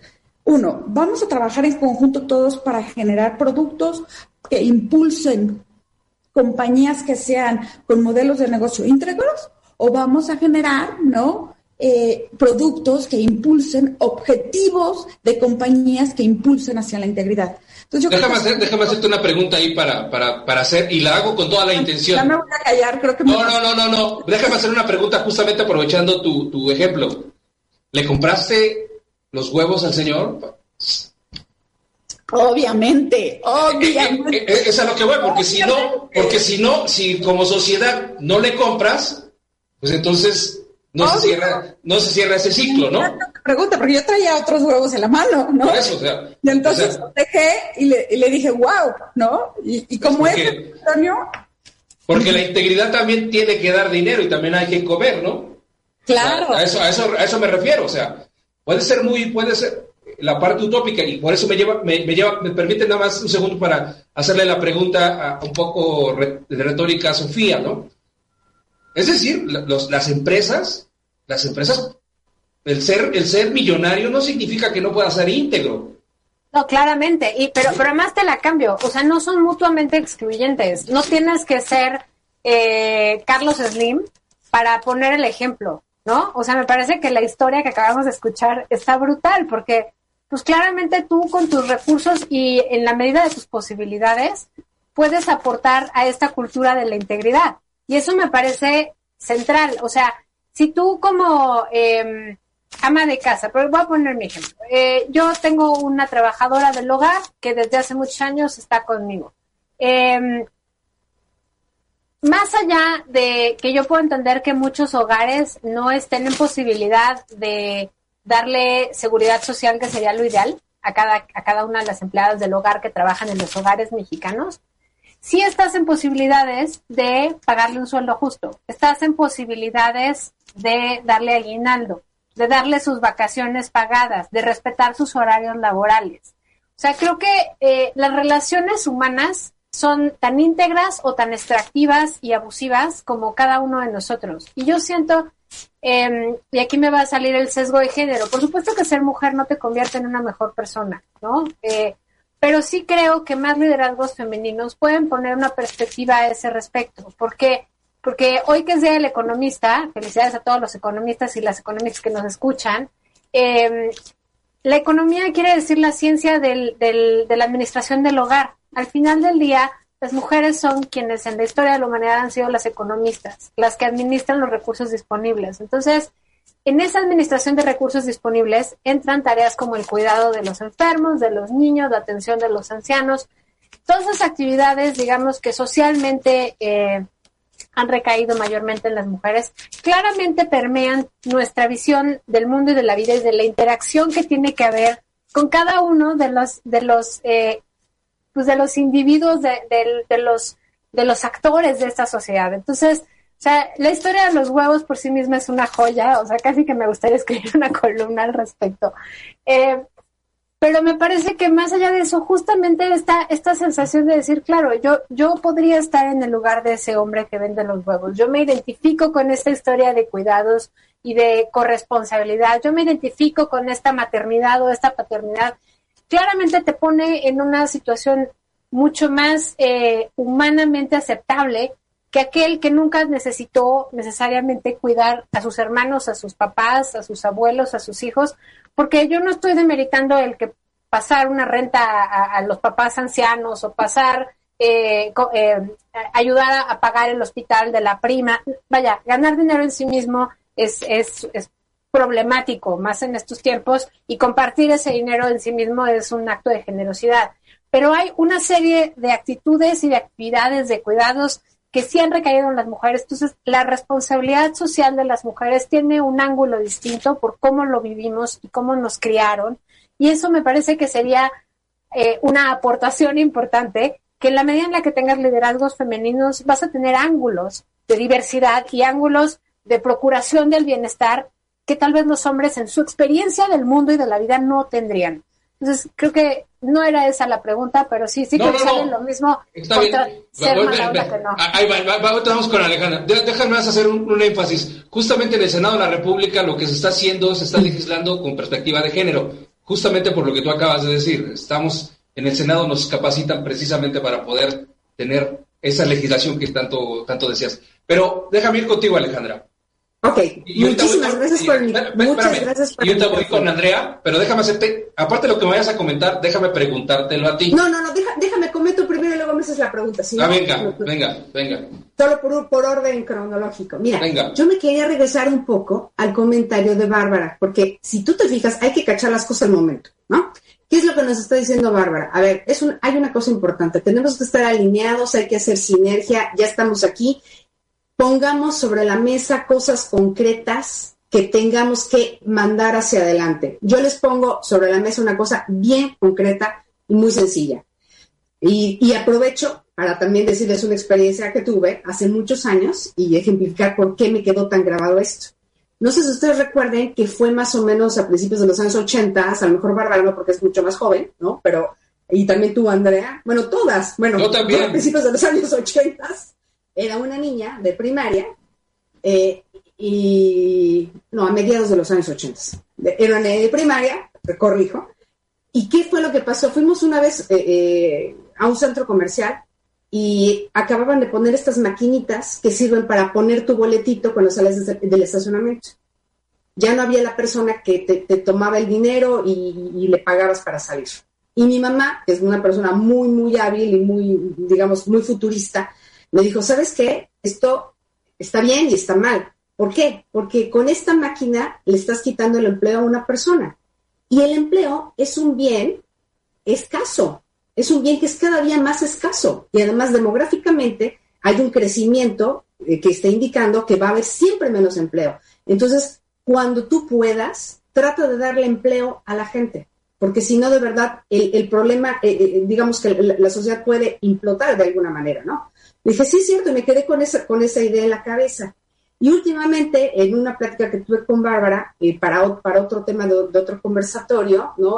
hablando de, todo y de nada, eh, decíamos, es que ¿sabes qué pasa? Que la tecnología es un driver y es maravilloso y nos ayuda para muchas cosas, pero hay que saber en qué medida una empresa, por ejemplo, tiene que incorporar la tecnología a sus procesos de producción. ¿A qué me refiero? Por ejemplo, si de pronto sale una nueva app que en lugar de, eh, digamos, que te permite, en lugar de contratar una asistente humana, ¿no? Utilizar una app electrónica, pues a mí me parece perfecto. Nada más que hay que pensar con una perspectiva de futuro, no solamente en el día de hoy, no en el inmediato, sino qué va a pasar. A lo mejor, no lo sé, la señora eh, que era la asistente de X persona del socio del despacho, pues bueno, ya se va a retirar, etcétera, está por llegar a la jubilación pero entonces tú cierras ese, ese lugar de trabajo, ese puesto de trabajo lo cierras, ¿no? ¿Y qué va a pasar? Estás dejando implícitamente a una familia, potencial, potencialmente a una familia,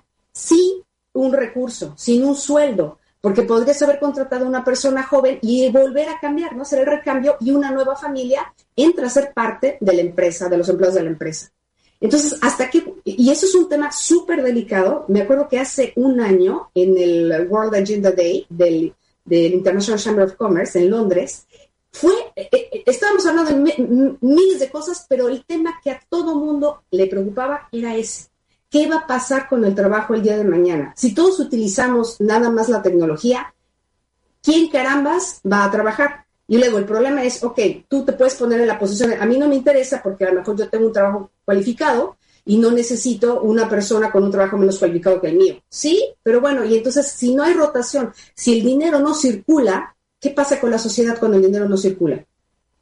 O sea, empezamos a crear más pobres y más pobres y más pobres. Y eso significa también la, la proclividad a la delincuencia, significa ustedes saben todo lo que significa. O sea, es inútil que lo digamos, pero lo importante es que cuando tengamos la posibilidad y cuando la empresa tenga la posibilidad, no exageremos con la tecnología, tratemos de emplear gente, porque eso es también un compromiso y esa es parte de las obligaciones que tiene la empresa. Y ya no digo obligaciones filantrópicas, son parte de lo que son las obligaciones económicas de la empresa. Crear empleo es una obligación económica de la empresa.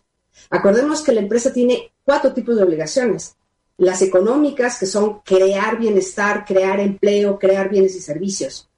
Las obligaciones jurídicas, que son justamente el compliance, exactamente el compliance, cumplir con todos los reglamentos, leyes, etcétera. Están las éticas y las discrecionales. Y en las éticas y discrecionales, que las éticas son actuar como buen padre de familia, en justicia, y las discrecionales son exactamente las actividades que se realizan voluntariamente, espontáneamente, para mejorar mi capital reputacional.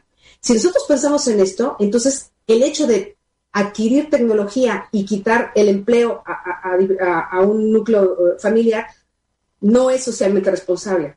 No es socialmente responsable. Entonces pensemos siempre, cada vez que se toman decisiones, pensemos siempre en cuál es la implicación, cuál es el impacto de esta decisión en la sociedad, porque eso es la responsabilidad de la empresa, el impacto de las decisiones de la empresa en la sociedad. Bueno, miren, ya, ya casi nos estamos acercando al final y ha sido muy interesante, pero Espérenme, yo quisiera ir un poco centrando porque déjenme hacer esta pregunta y, para, y le voy a pedir a Andrea que me ayude. Tú desde la perspectiva, porque más o menos tú y yo somos empáticos en la parte del gobierno corporativo, traemos ese mismo perfil. Todo esto que acaban de decir nuestras compañeras, ¿por qué no se aterriza en las empresas? ¿Por qué Porque esto que decía Sofía de, oye, este, una mujer cuando eh, esto del, está calificada, no sé si la palabra correcta sea calificada, pero es más empática, más sensible por, esto. Eh, esto de los valores. ¿Por qué a la, hora de, a la hora de trabajar en cualquier empresa, chica, mediana o grande, eso no se queda en la empresa? ¿Por qué los dueños no lo asumen si muchos de los que nos están escuchando han ido a las mejores escuelas de negocio, saben que tener un trabajador feliz produce mejor y todas esas teorías que quieras, ¿por qué hoy día pareciera que esos grandes buenos deseos llegamos a la empresa y no permean? Péngame el ejemplo siguiente. Yo las escucho, yo soy el director y resulta que a la hora de yo tomar la decisión les digo, hablan muy bonito, hacen las cosas muy bien, pero tenemos que hacer esa cosa. Y el parque se queda momentáneamente detenido y sí voy a tener que despedir porque necesito mejorar ese proceso y, y sí le voy a apostar a, esos cuidados al futuro, pero ahorita hay que comer. ¿Por qué no sucede, Andrea? Bueno, es, es, una, es una pregunta y es un planteamiento que desde hace muchos años yo creo que personas que nos hemos dedicado al tema de la empresa y al tema después, al tema de cumplimiento, al tema de la responsabilidad social, pues no, no lo hacemos de manera continua. Yo recuerdo que en algún momento, estando trabajando en una empresa transnacional, yo le reportaba a un financiero. O sea, mi, digamos que la persona a quien yo le generaba mi reporte era un director de finanzas. Y ahí, justo lo que estás diciendo, ahí aprendí que cuando se trata de generar un resultado, tienes que plasmarlo para el empresario con números. No podemos nada más dejarlo de palabra, porque si lo dejamos de palabra, el tema de ética, el tema de integridad, el tema de responsabilidad social, se queda nada más, eh, eh, digamos, en el, en el aire, ¿no? Como algo que no queremos ninguna de las cuatro, ninguno de los cinco que estamos aquí, que nada más sea algo retórico, sino que sea algo que de verdad se lleve a la práctica. Entonces, una de las cosas que, me, que, a, que a mí me tocó aprender es de que cuando tú tienes que plasmarlo al empresario, tienes que darle cuál es ese costo-beneficio y dárselo a nivel financiero. Ahora, ¿cómo vamos a hacer ese cálculo si necesitamos en este caso accesar, digamos, al, incluso a, los esquemas de utilidad y a toda la información financiera de una compañía para con cada una poder hacer este ejercicio. Y aquí me quiero detener un poco al tema de cómo la responsabilidad social corporativa se tiene que llevar de una manera adecuada al tipo de empresa de una manera eh, socializarlo a las necesidades que tiene esa empresa. Y una de las cosas que yo me he dado cuenta es, uno, que cuando se trata de generar normatividad para una compañía, eh, los organismos eh, a nivel, en este caso, a nivel de, gremio empresarial, siempre están de alguna manera temerosos con el tema de la sobreregulación, con el tema de generar más cargas económicas a las empresas. Y entonces el impulso de temas como este se queda en retórica. Esto es, mi llamado, y aprovecho la oportunidad que, nos das, mi llamado es al, Consejo Coordinador Empresarial, a las cámaras de comercio, para que a sus empresarios, a su vez, puedan bajar la información que estamos dando, sociabilizarla y decirle que, como comentaba Alejandra, esto es un tema de inversión en donde lo tenemos que ver a un mediano o largo plazo una inversión que nos va a generar beneficios a todos. Pero si no lo dejamos con números, difícilmente se puede plasmar. Y voy a poner un ejemplo muy claro y creo que a todos nos va a, digamos, a, llamar la atención. Tiene cualquier cantidad de tiempo que la Ley General de Sociedades Mercantiles no tiene una reforma integral en materia de gobierno corporativo. ¿En dónde sí encontramos la reforma integral en materia de gobierno corporativo? En las empresas que cotizan en bolsa. Y sabemos perfectamente y las podemos contar con, con pocos dedos, digámoslo así, que son las menos. Entonces, si me está escuchando ahorita una, un empresario que tiene una tienda en su colonia y que dice, a ver, Andrea, no me hables de un este, corporativo Carso, no me hables de un corporativo Alsea. O sea, yo tengo una, una empresa aquí, tengo a dos empleados, ¿no? Dime cómo implemento el tema de la responsabilidad social si al final del día la carga que, que yo tengo, pues tributaria es, alta. Entonces, ¿cómo puedo llegar a ese match? Y entonces ahí el tema del emprendimiento, el tema de la creación de una sociedad por, eh, por acciones simplificada, en donde ese tipo de sociedad hace que impulse el tema del emprendimiento, tenemos dos cosas y, dos puntos pendientes. Que si yo la implementación de normas de buen gobierno corporativo, no nada más las dejo a nivel eh, ley, ley, de, ley de sociedad de valores, sino que también las meto a la ley general de sociedades mercantiles, eso me genera a mí, empresario, cuando inicio una compañía en donde los estatutos yo lea que todo esto lo tengo que hacer, me genera ya, digamos, una, un marco de acción en donde más allá de que escuche yo que debo de ser íntegro, ético, tratar bien a mis trabajadores, cuidar de los derechos humanos, pues desde mi constitutiva ya está. Y en algún momento, y, tú has estado presente, José Antonio, en algún momento cuando platicamos de todo esto, ¿qué te dice la, una Cámara de Comercio? ¿Qué te dice un Consejo Coordinador Empresarial? No, eso ya es sobre regulación. No podemos a los empresarios decirles esto porque esto sí lo pueden solventar las empresas grandes, pero no lo pueden solventar las empresas pequeñas. Y yo ahí llamaría a, estas empresas pequeñas que también tienen el mismo mecanismo de creación para que desde los estatutos ya estuviera. Hoy tenemos, y quiero mencionarlo, hoy tenemos una iniciativa de la ley de responsabilidad eh, en materia corporativa, de la ley de responsabilidad empresarial y de debida diligencia. Y en esa ley, que es todo un reto, porque si nosotros la analizamos, y decía a Bárbara, ¿qué vamos a hacer para implementar este punto de la responsabilidad social? Porque tenemos al oficial de cumplimiento y ahora vamos a tener o, debemos de tener a un oficial que cumpla con el tema de la responsabilidad eh, social corporativa y yo ahí les diría, coincido totalmente con lo que dice, creo que esto tiene que ir a todos.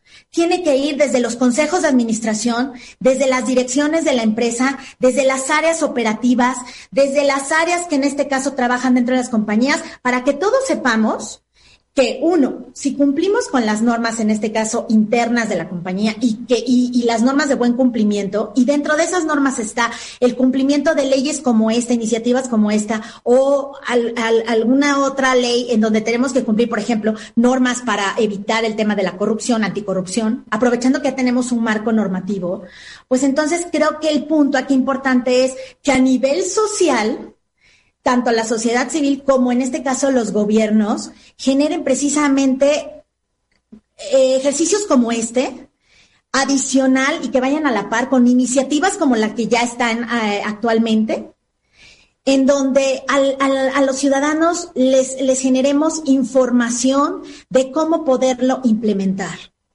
y de los beneficios que pudiera salir. Entonces, si todo esto lo tratamos de hacer, y un, un, punto aquí, un punto aquí que yo quiero resaltar, si los abogados o los no abogados, porque hay que recordar que los oficiales de cumplimiento no nada más son abogados.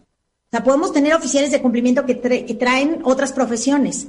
Entonces, si a nivel multidisciplinario nosotros aprendemos a entender el tema de la responsabilidad social y a plasmarlo a nivel financiero con resultados a mediano y a largo plazo, esa puede ser, en este caso, ese puede ser un detonante para que el empresario dé el paso.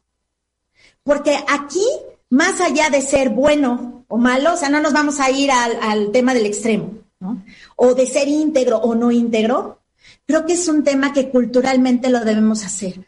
Ejercicios como los que comentó Bárbara de eh, lo que le pasó en, la calle, ¿no? Con, el, esta persona que vendía, lo que le pasó a Alejandra, lo que le puede pasar en este caso a, a Sofía cada vez que hace investigaciones acerca de cómo va creciendo, ¿no? El tema, en este caso, de la corrupción y trabajos como el que realizamos, por ejemplo, en la Comisión Nacional de Compliance, en donde lo que queremos es justo generar como una, como, como una base el tema de la cultura de la legalidad, pues esto nos tiene, en algún momento nos tiene que permear, generaciones tras generaciones, porque como lo decía, esto no es nuevo, esto tiene muchos años atrás, pero creo que el tema de la decisión, mucho está, José Antonio y todo, todas, mucho está en que el empresario vea que el beneficio es un beneficio que se va a dar para él y para sus em, y para en este caso para los terceros interesados. Bueno, voy con Bárbara, pero vamos a ir dándole un cierre a esto porque son ustedes muy interesantes y cada pregunta detona algo.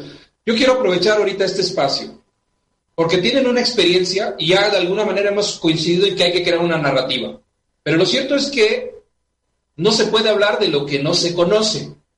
La mejor manera de hacer visible lo invisible es haciéndolo visible. Hoy estamos hablando de responsabilidad social y muchos no sabremos lo que es, pero ya empezamos a hablar. Hoy hay una sobreregulación hacia el empresario por, por, programas fiscales, por programas de extinción, pero lo cierto es que si lo vemos de esta manera, hay una gran oportunidad para que esos cambios culturales se fomenten. Yo no quisiera utilizar la palabra miedo, yo no quisiera utilizar la palabra es a fuerza lo tienes que hacer, pero de alguna manera es el detonante para que las transformaciones se vayan haciendo. Dice por aquí Rosario Guadalupe Vázquez Rodríguez, les da miedo a los empresarios. El contador Jesús Rodríguez Ambrís dice saludos Andrea, excelente panel. Esto, esta, esta, esta dinámica nos ayuda a que empecemos a construir. Lo importante es que lo que sí logremos es ahorita, es lo que decía Bárbara, creemos las definiciones para poder ir trabajando, porque si no, si ahorita lo sacamos así, yo ahorita ya les doy la palabra para que vayan viendo conclusiones, cierres, lo que ustedes gusten, pero si, los, si nos pusiéramos así de literal de la ley, sería un oficial de cumplimiento para salud, un oficial de cumplimiento para impuestos, un oficial de cumplimiento para normas ambientales, un oficial de cumplimiento para ahora responsabilidad social. Tendríamos una serie, serie, serie de personas que estarían encargando. Y entonces, ¿en qué momento se vuelve entonces voluntario este trabajo? ¿En qué momento la parte? Y yo quiero meterle también a esta, a esta discusión, y lo digo con toda certeza, sí, la iniciativa es un buen, un buen referente, pero entonces tampoco el presidente de la República está equivocado cuando dice hay que medir la felicidad de los mexicanos. Y, no lo digo con el ánimo de, hacerle propaganda, sino también él tiene una, tiene una visión de decir, hay que hacer las cosas que no solamente produzcan dinero, ¿no? Sino que también produzcan felicidad. Entonces, vámonos en este orden, vámonos con Bárbara y luego ya nos vamos a ir cerrando. ¿Les parece? ¿Te parece, Bárbara? Ya, sí, claro que sí. Yo, creo que, digo, no sé si esta intervención es mi cierre, pero voy a, ah, ok, pero yo creo que algo que tenemos que ver en esta definición de palabras es si es cumplimiento no es responsabilidad, así de sencillo. O sea, si ya está en una norma, ya entran en el, en el otro bucket, ¿no? En el de las personas de cumplimiento. Ese es el primer punto que me gustaría decir. Número dos, si eh, si hay metodologías que nosotros los de compliance ocupamos, ¿por qué? Porque nos las han enseñado por muchos años muchos organismos, o sea, hay metodologías en materia de anticorrupción, ¿no? Que seguramente Sofi se la sabe muy, muy bien, aunque a lo mejor la regulación es nueva, ¿no? Como decía Andrea, realmente nosotros no ocupamos la, la regulación local, la ocupamos la internacional desde hace muchos años, pero no solamente en esa materia. O sea, la ley de prevención del lavado de dinero y de actividades vulnerables en algunos puntos es nueva, pero la metodología que ocupamos es la de Gafi, que es la internacional. Entonces, ocupamos muchísimas metodologías desde hace mucho que son adaptables a cualquier programa. ¿No? El programa puede ser salud, puede ser protocolo, puede ser este eh, género, puede ser diversidad. Entonces, mi primer punto es, si ya está ley, es cumplimiento.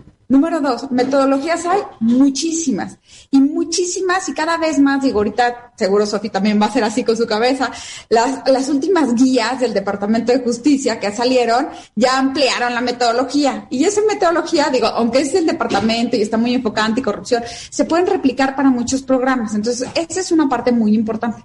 Número tres que yo quiero poner en la mesa es, yo sí creo, ¿no? Y como líder, ¿no? Este, mexicano o como mujer mexicana quitándole líder, yo sí creo que hay muchísimos temas, otra vez, visionaria, viendo hacia adelante, que nos falta poner, ¿no? Entonces, y creo que esa es una labor que, que puede hacer todas las personas que están enfocadas a la responsabilidad. O sea, Ale decía hace rato, o sea, vas a quitar un trabajo con la máquina, ¿no? De, de los años 80, pues ¿qué le vas a dar a esa persona? ¿No? Y creo que ya el tema de la máquina que decía Ale se ha maximizado, ya no son máquinas, ya son robots, ya son este nuevos coches que a lo mejor van a manejar solos, ¿no? Estamos hablando de un número masivo, ¿no? Porque si vemos el, el, ejemplo de Ale, pues es, es, una máquina en un centro comercial o en un este, edificio de trabajo y pues los cuentas y dices, bueno, pues este, fueron 100 personas, ¿no? Pero empieza a sumar esas 100 personas, este, robótica, empieza a sumar otras cuestiones de muchos otros este, adelantos tecnológicos. El problema que se nos viene adelante es grave. O sea, sí es grave, es importante, es significativo, ¿no? Entonces, yo creo que hay mucho que desde la cancha de responsabilidad social se puede hacer. Pero aquí hay un punto importante.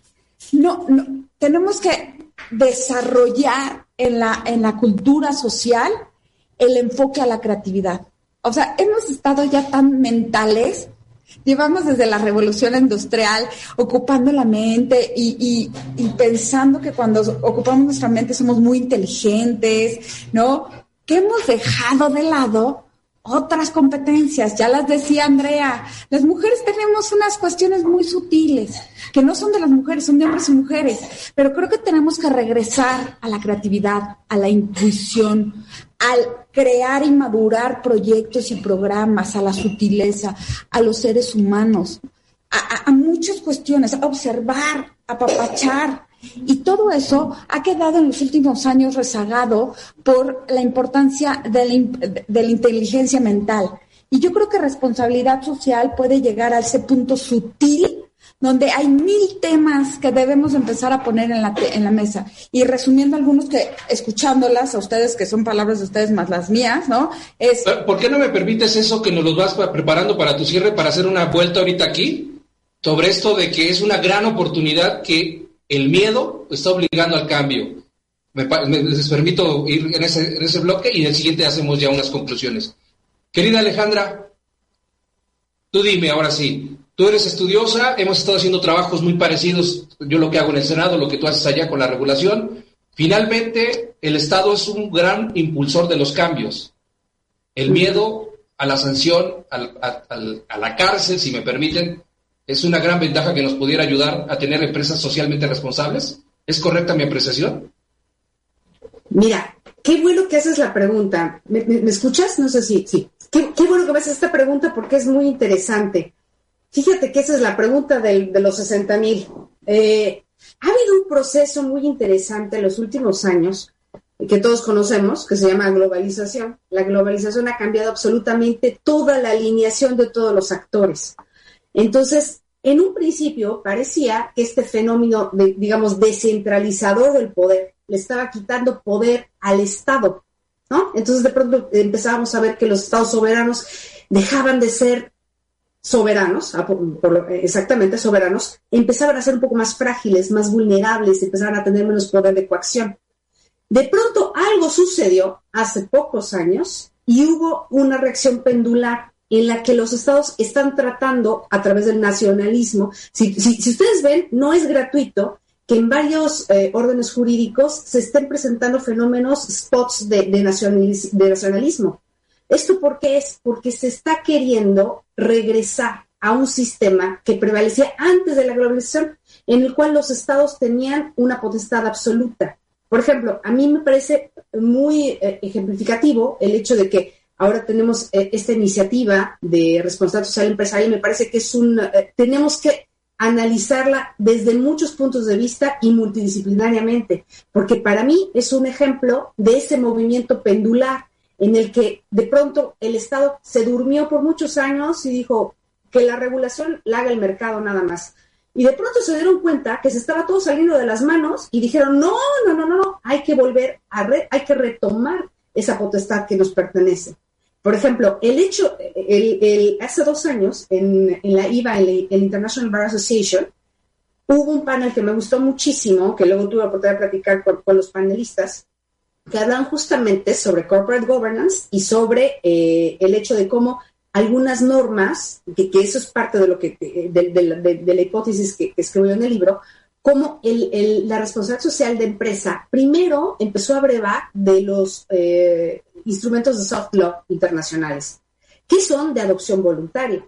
Sin embargo, ¿qué pasa en diferentes países? Se empieza a ver que estos países retoman las ideas del soft law y empiezan a endurecer las normas y las están empezando a volver cumplimiento, que es exactamente lo que dice, lo que dice Bárbara. Entonces, hay esa transición, ese, ese, ese paso entre lo que es la norma voluntaria y que después se vuelve una, una norma de hard law, se vuelve una norma de cumplimiento obligatorio. Entonces, yo creo que es, eh, eh, digamos, ejemplificativo de todo lo que está pasando. ¿Cuál es el futuro? Todavía no lo sabemos. Yo lo que creo es que esta es una reacción pendular, así como hubo una, eh, un movimiento a partir de los noventas y hasta hace apenas unos años inmenso de liberalización del mercado y de desregulación, ahorita está habiendo un intento de volver a regular e incluso hiperregular, sobre regular las actividades humanas, no nada más al sector empresarial en general. Todo se está exageradamente regulado. Por ejemplo, yo vivo en un, en un país, en Italia, que es maravilloso, solo que aquí hay una hiperregulación increíble. De verdad que es impresionante toda la carga administrativa que hay incluso para el ciudadano. O sea, no se diga para las empresas, para el ciudadano. Estoy eh, absolutamente de acuerdo en que la sobreregulación, sobreregulación no lleva a buenos resultados. Yo creo que tenemos que encontrar un punto, y de, pero lo, bueno es que nosotros tenemos la oportunidad de hablar, pero son específicamente los legisladores los que tienen que entender o que tienen que captar la idea de en qué momento ya están exagerando con la regulación y en qué momento están regulando menos. Es decir, el punto de equilibrio es muy difícil de encontrar, ¿eh? No es algo sencillo y no depende nada más de una sola visión. Pero sí puedo asegurar, al menos desde mi punto de vista, que yo he visto que los casos en que se está sobreregulando, el resultado no es positivo. ¿Por qué? Por ejemplo, en el caso de, esta iniciativa de ley, que me parece un excelente intento por, eh, eh, digamos, mejorar, por incluir en la cultura eh, corporativa a la responsabilidad social. Sin embargo, ¿qué, ¿cuál es el riesgo que yo le veo a la ley que pone tan alta la, la apuesta que puede ser que las empresas se sientan que tienen que eh, actuar de alguna manera poco transparente para hacer ver que están cumpliendo con la ley. Y entonces en ese momento tú llegas a, pues, a una simulación que no tiene, no tiene ningún sentido. Entonces, ¿cómo, vamos a evitar la simulación? Tenemos que hacer que la ley esté, eh, que sea compatible con lo que realmente el empresario puede hacer, ¿no? No hay que exagerar con la regulación, pero tampoco hay que dejar áreas en las que se fomente, unas áreas grises en las que se fomente que puedan, pueda haber eh, un abuso del derecho, por ejemplo, eh, eh, de los trabajadores o, o, el, medio ambiente. Ok, déjame ver con Sofía. Sofía, perdón, levantaste la mano, ahí está. Perdón, sí, yo sé que es una dinámica así medio, medio rara y difícil. Si estuviéramos en una mesa podríamos además como decir, eh, yo quiero decir algo ahí. Pero no, eh, a ver, yo quería retomar eh, dos ideas nada más.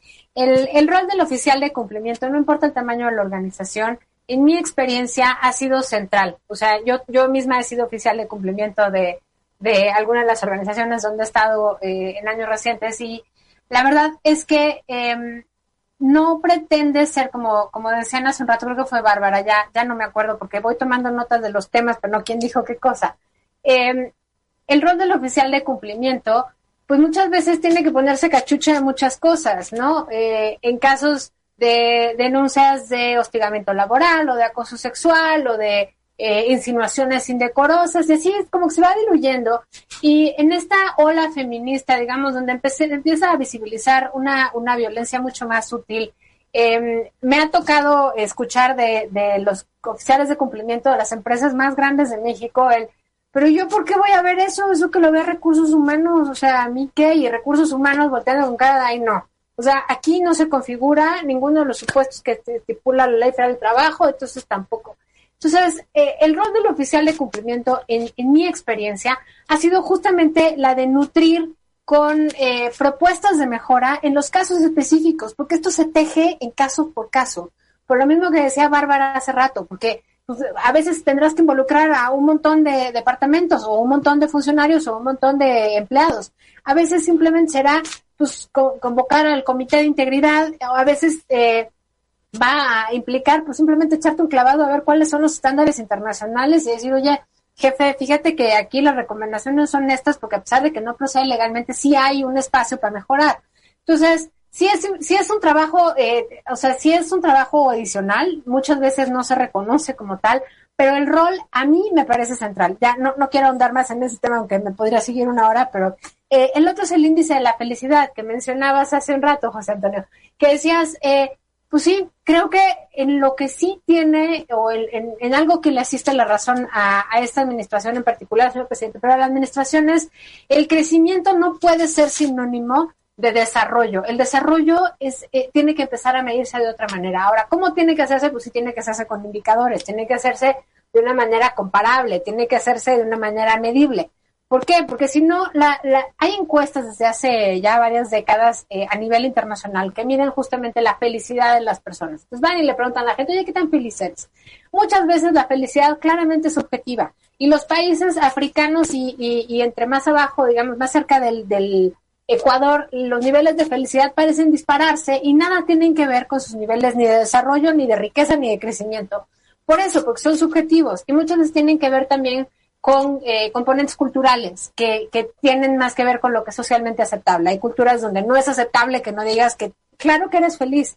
Entonces, pareciera que em, el índice de la felicidad sí es, es un, una necesidad, digamos.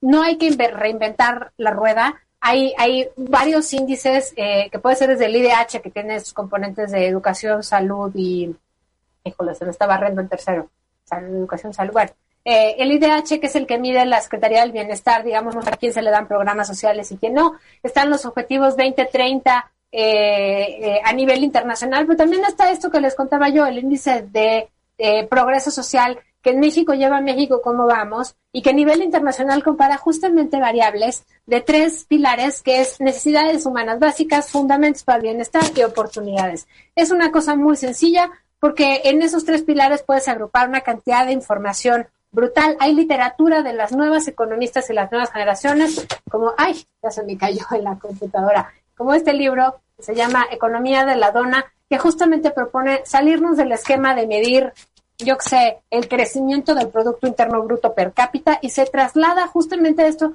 Vamos a hablar más de las personas. Las personas tienen que estar en el centro y la cobertura de sus necesidades también tiene que estar en el centro de la discusión. Esto ya, con, con, esto me callo, les prometo, la responsabilidad social tiene que ir en esa misma línea. No solamente es qué tan feliz eres, es objetivamente cómo estamos mejorando o cómo nos estamos retrayendo en diferentes rubros y para eso necesitamos, por supuesto, de las empresas, pero también de todos los agentes productivos y la responsabilidad social, la responsabilidad empresarial, la integridad corporativa y así para arriba. Creo que tienen que ir en ese sentido. Muchas gracias. Y creo que ya también en mi intervención de salida porque no va a dar tiempo. Sí, sí, vamos, vamos, este, vamos a hacer un rápido, lo, eh, yo te decía, Andrea, es una gran oportunidad esto, el, esta regulación para los empresarios, porque al final estamos hablando de, de que se tiene que hacer, se está haciendo, pero es una gran oportunidad hablar del tema e impulsar, no quiero fomentar el miedo, pero aprovechar esa oportunidad para generar ese cambio. ¿Tú cómo lo ves? Sí, o sea, de, de primera instancia es sí, Creo que hoy tenemos la oportunidad de que eh, el nacimiento, esta iniciativa ponga, digamos, en, las, en el centro el tema de lo que implica la responsabilidad social, que lo tomemos no nada más eh, de una aplicación meramente eh, de gobierno corporativo o meramente, digamos, en documentos internos de la empresa, sino también que se lleve a la aplicación. Y creo que también esto es una gran oportunidad para qué? Para replantear precisamente muchos conceptos que a lo mejor nosotros tenemos una idea de que, de que sean de determinada forma. Hace rato decía Bárbara que bueno, que para ella eh, o es cumplimiento o es responsabilidad social corporativa. Y bueno, en mi caso, yo lo veo como un, eh, como una sinergia. En mi caso, yo lo veo como una sinergia porque, bueno, porque eh, definitivamente no puedes dejar de lado el tema de cumplimiento, ni tampoco puedes, en este caso, al oficial de cumplimiento, relevarlo del tema, como bien decía Sofía. Muchas veces la cachucha se la tiene que quitar y tiene que ponérsela para otro, para otro tipo de temas. Y creo que el tema de la responsabilidad social vuelvo al punto, tiene que ir desde los consejos de administración, desde los miembros, en este caso de directivos, hasta los propios trabajadores y esos terceros interesados que son los stakeholders. Entonces, creo que cuando nosotros aprendamos esta parte, vamos a tener un punto de avance. Otro, otra cosa que, que yo también veo que esta iniciativa tiene y, que detona es justo el tema de las sanciones. Eso es, eso, es, eso es un tema muy importante porque para poder medir el tema de las sanciones o para poderlas aplicar, pues entonces internamente las empresas van a tener que llevar un, un programa para poder evaluar si de verdad se está incumpliendo o no con el tema, en este caso, de responsabilidad social. Si no, entonces se quedaría discrecional, ¿no? Ante, vamos a pensar, ante Secretaría de Economía y eso tampoco es el, eh, tampoco es el punto. Entonces creo que vale la pena analizar este punto y todas aquellas personas que se encuentran en el espectro de la generación de programas de cumplimiento o programas en este caso que incentiven o que eh, en este caso introduzcan a las empresas al tema de responsabilidad social, pues es un, es un reto, es un reto constante. Ahora, desde el punto de vista, digamos, eh, y quiero este, esto enfatizarlo porque estoy totalmente de acuerdo cuando, cuando, cuando todos, y creo que aquí las cuatro hemos coincidido en el punto humano. Y el centro de este tema es el ser humano. O sea, este es el centro de este tema. Y creo que aquí, ahí, ya entra un tema más bien de, de, de los valores y de la integridad con la que ya muchos, pues hemos crecido. Y entonces ese choque entre lo que para alguien pueda ser ético y para otra persona no, es el gran reto para lograr una, digamos, una unificación en esta implementación de la responsabilidad social. Creo que esto, a pesar de que tiene muchos años atrás, a pesar de que existe legislación, a pesar de que organismos internacionales como la ONU, como la OIT, como muchos otros organismos que apoyan y que en este caso incentivan este tema, creo que desde los ciudadanos nosotros deberíamos de empezar con pequeñas cosas, generar ese tipo de responsabilidad social. Y creo que aquí, y, no sé si sea la última intervención, pero algo que no se ha tocado y que me gustaría mencionarlo en la mesa es el tema de la educación. Y creo que aquí el gobierno tiene una gran, una gran área, en este caso, eh, pendiente o una, una, un área de oportunidad para fortalecerla porque en las escuelas es necesario implementar materias que fomenten al tema de la cultura de la legalidad y que eso nos lleve a temas como los que estamos discutiendo ahora. Para que el día de mañana ese pequeño que lo vio desde, desde digamos, desde la educación preescolar y que después se convierte en un futuro empresario, lo haga de manera, digamos, normal. Y entonces ese, ese soft law que en un momento dado lo, decía Alejandra, quizá regrese. Quizá a lo mejor por el tema de, los tiempos en los que nos encontramos, a veces es necesario, por el tema de transformaciones, generar un cumplimiento, ¿no? Para de alguna manera volver otra vez a ese sistema que a lo mejor perdimos en algún momento. No quiero decir con esto que, eh, esté bien el no regular, Tampoco me quiero ir con el tema de sobreregular. Lo que quiero decir es que, que, si buscamos un punto medio entre la sobreregulación y la regulación actual que tenemos, vamos a encontrar seguramente áreas de oportunidad. Y una de esas áreas de oportunidad que yo veo es que en las sociedades en la Ley General de Sociedades Mercantiles, cuando se constituyen las sociedades, esto es una sociedad anónima, una sociedad de responsabilidad limitada o incluso una sociedad por acciones simplificada, no está dentro de la legislación inserto, eh, eh, insertar, perdón, la obligación de el tema de normas de buen gobierno corporativo ni de responsabilidad social. Para mí, ese sería un punto que pudiera un poco homologar ese punto de tener una regulación a lo mejor en donde el empresario pueda sentirse un poco ahogado por el tema de las sanciones. Y por el otro lado el ser humano que se encuentre del lado de ser trabajador, del lado de ser tercero, en este caso interesado, y que vea en esas empresas que en lugar de que sean, en este caso, eh, tomados en consideración como miembros y como capital humano, que forman parte de ese, de ese crecimiento, se vea como en este caso una utilización o como un mero, digamos, eh, mero lapso de la empresa para llegar a su objetivo de crecimiento. Cuando las empresas también encuentren ese punto medio, en donde las empresas sigan ganando, sigan creciendo, pero sin perder de vista el, el respeto a los derechos laborales, creo que ese es uno de los puntos totalmente trascendentales y que nos va a llevar a siguientes pasos en México para el tema de la responsabilidad social. Yo, yo, este, yo estoy muy fascinado. Aquí ya nos llegaron dos mensajes, los voy a leer. Rosario Guadalupe Vázquez Rodríguez dice muy cierto lo sobre la, lo sobre regulación trae contradicción entre las normas que terminan con violaciones jurídicas. Coincide con la doctora Alejandra. Irma Laura Murillo, que es presidenta del CPC de Sonora, del Comité de Participación Ciudadana, dice la felicidad la mide el INEGI a través de la encuesta de bienestar. Su objetivo desde hace varios años incluye satisfacción con la vida en varios aspectos como familiar, personal, con tu ciudad, entre otros, y encuentra una relación positiva entre ingreso y satisfacción de vida. Es decir, el tema da para más. Yo sí les invitaría, estos son los micrófonos, están abiertos. Lo que sí, yo me congratulo, vamos a hacer un cierre ahorita, por supuesto, con ustedes, no nos estoy despidiendo, pero sí me congratulo de que podemos tumir, de que hay que poner el tema sobre la mesa y las veces que ustedes quieran estos micrófonos, estas cámaras, estarán dispuestos para que estén ustedes juntas, en lo particular o con sus colectivos, cuando ustedes quieran, tienen estos micrófonos abiertos. Si quieren hablar un poco más del tema de progreso social, encantado, aquí están los micrófonos. Si quieren hablar más de su libro, si quieren hablar, encantado, eso es muy importante. Yo me gustaría, yo lo que sí coincido, y quisiera yo empezar con la ronda ya de cierre rápido, un mensaje para, le pido aquí a la producción que nos aguante tantito, es el tema fundamental es, son personas trabajando para personas, o somos personas trabajando para personas. En el momento en que dejamos de ser personas, algo sucede y las cosas no nos benefician. Yo creo que es muy importante. Uno no puede dar lo que no tiene, siempre lo he sostenido. La integridad no está peleada con el dinero, el dinero no está peleado con la integridad.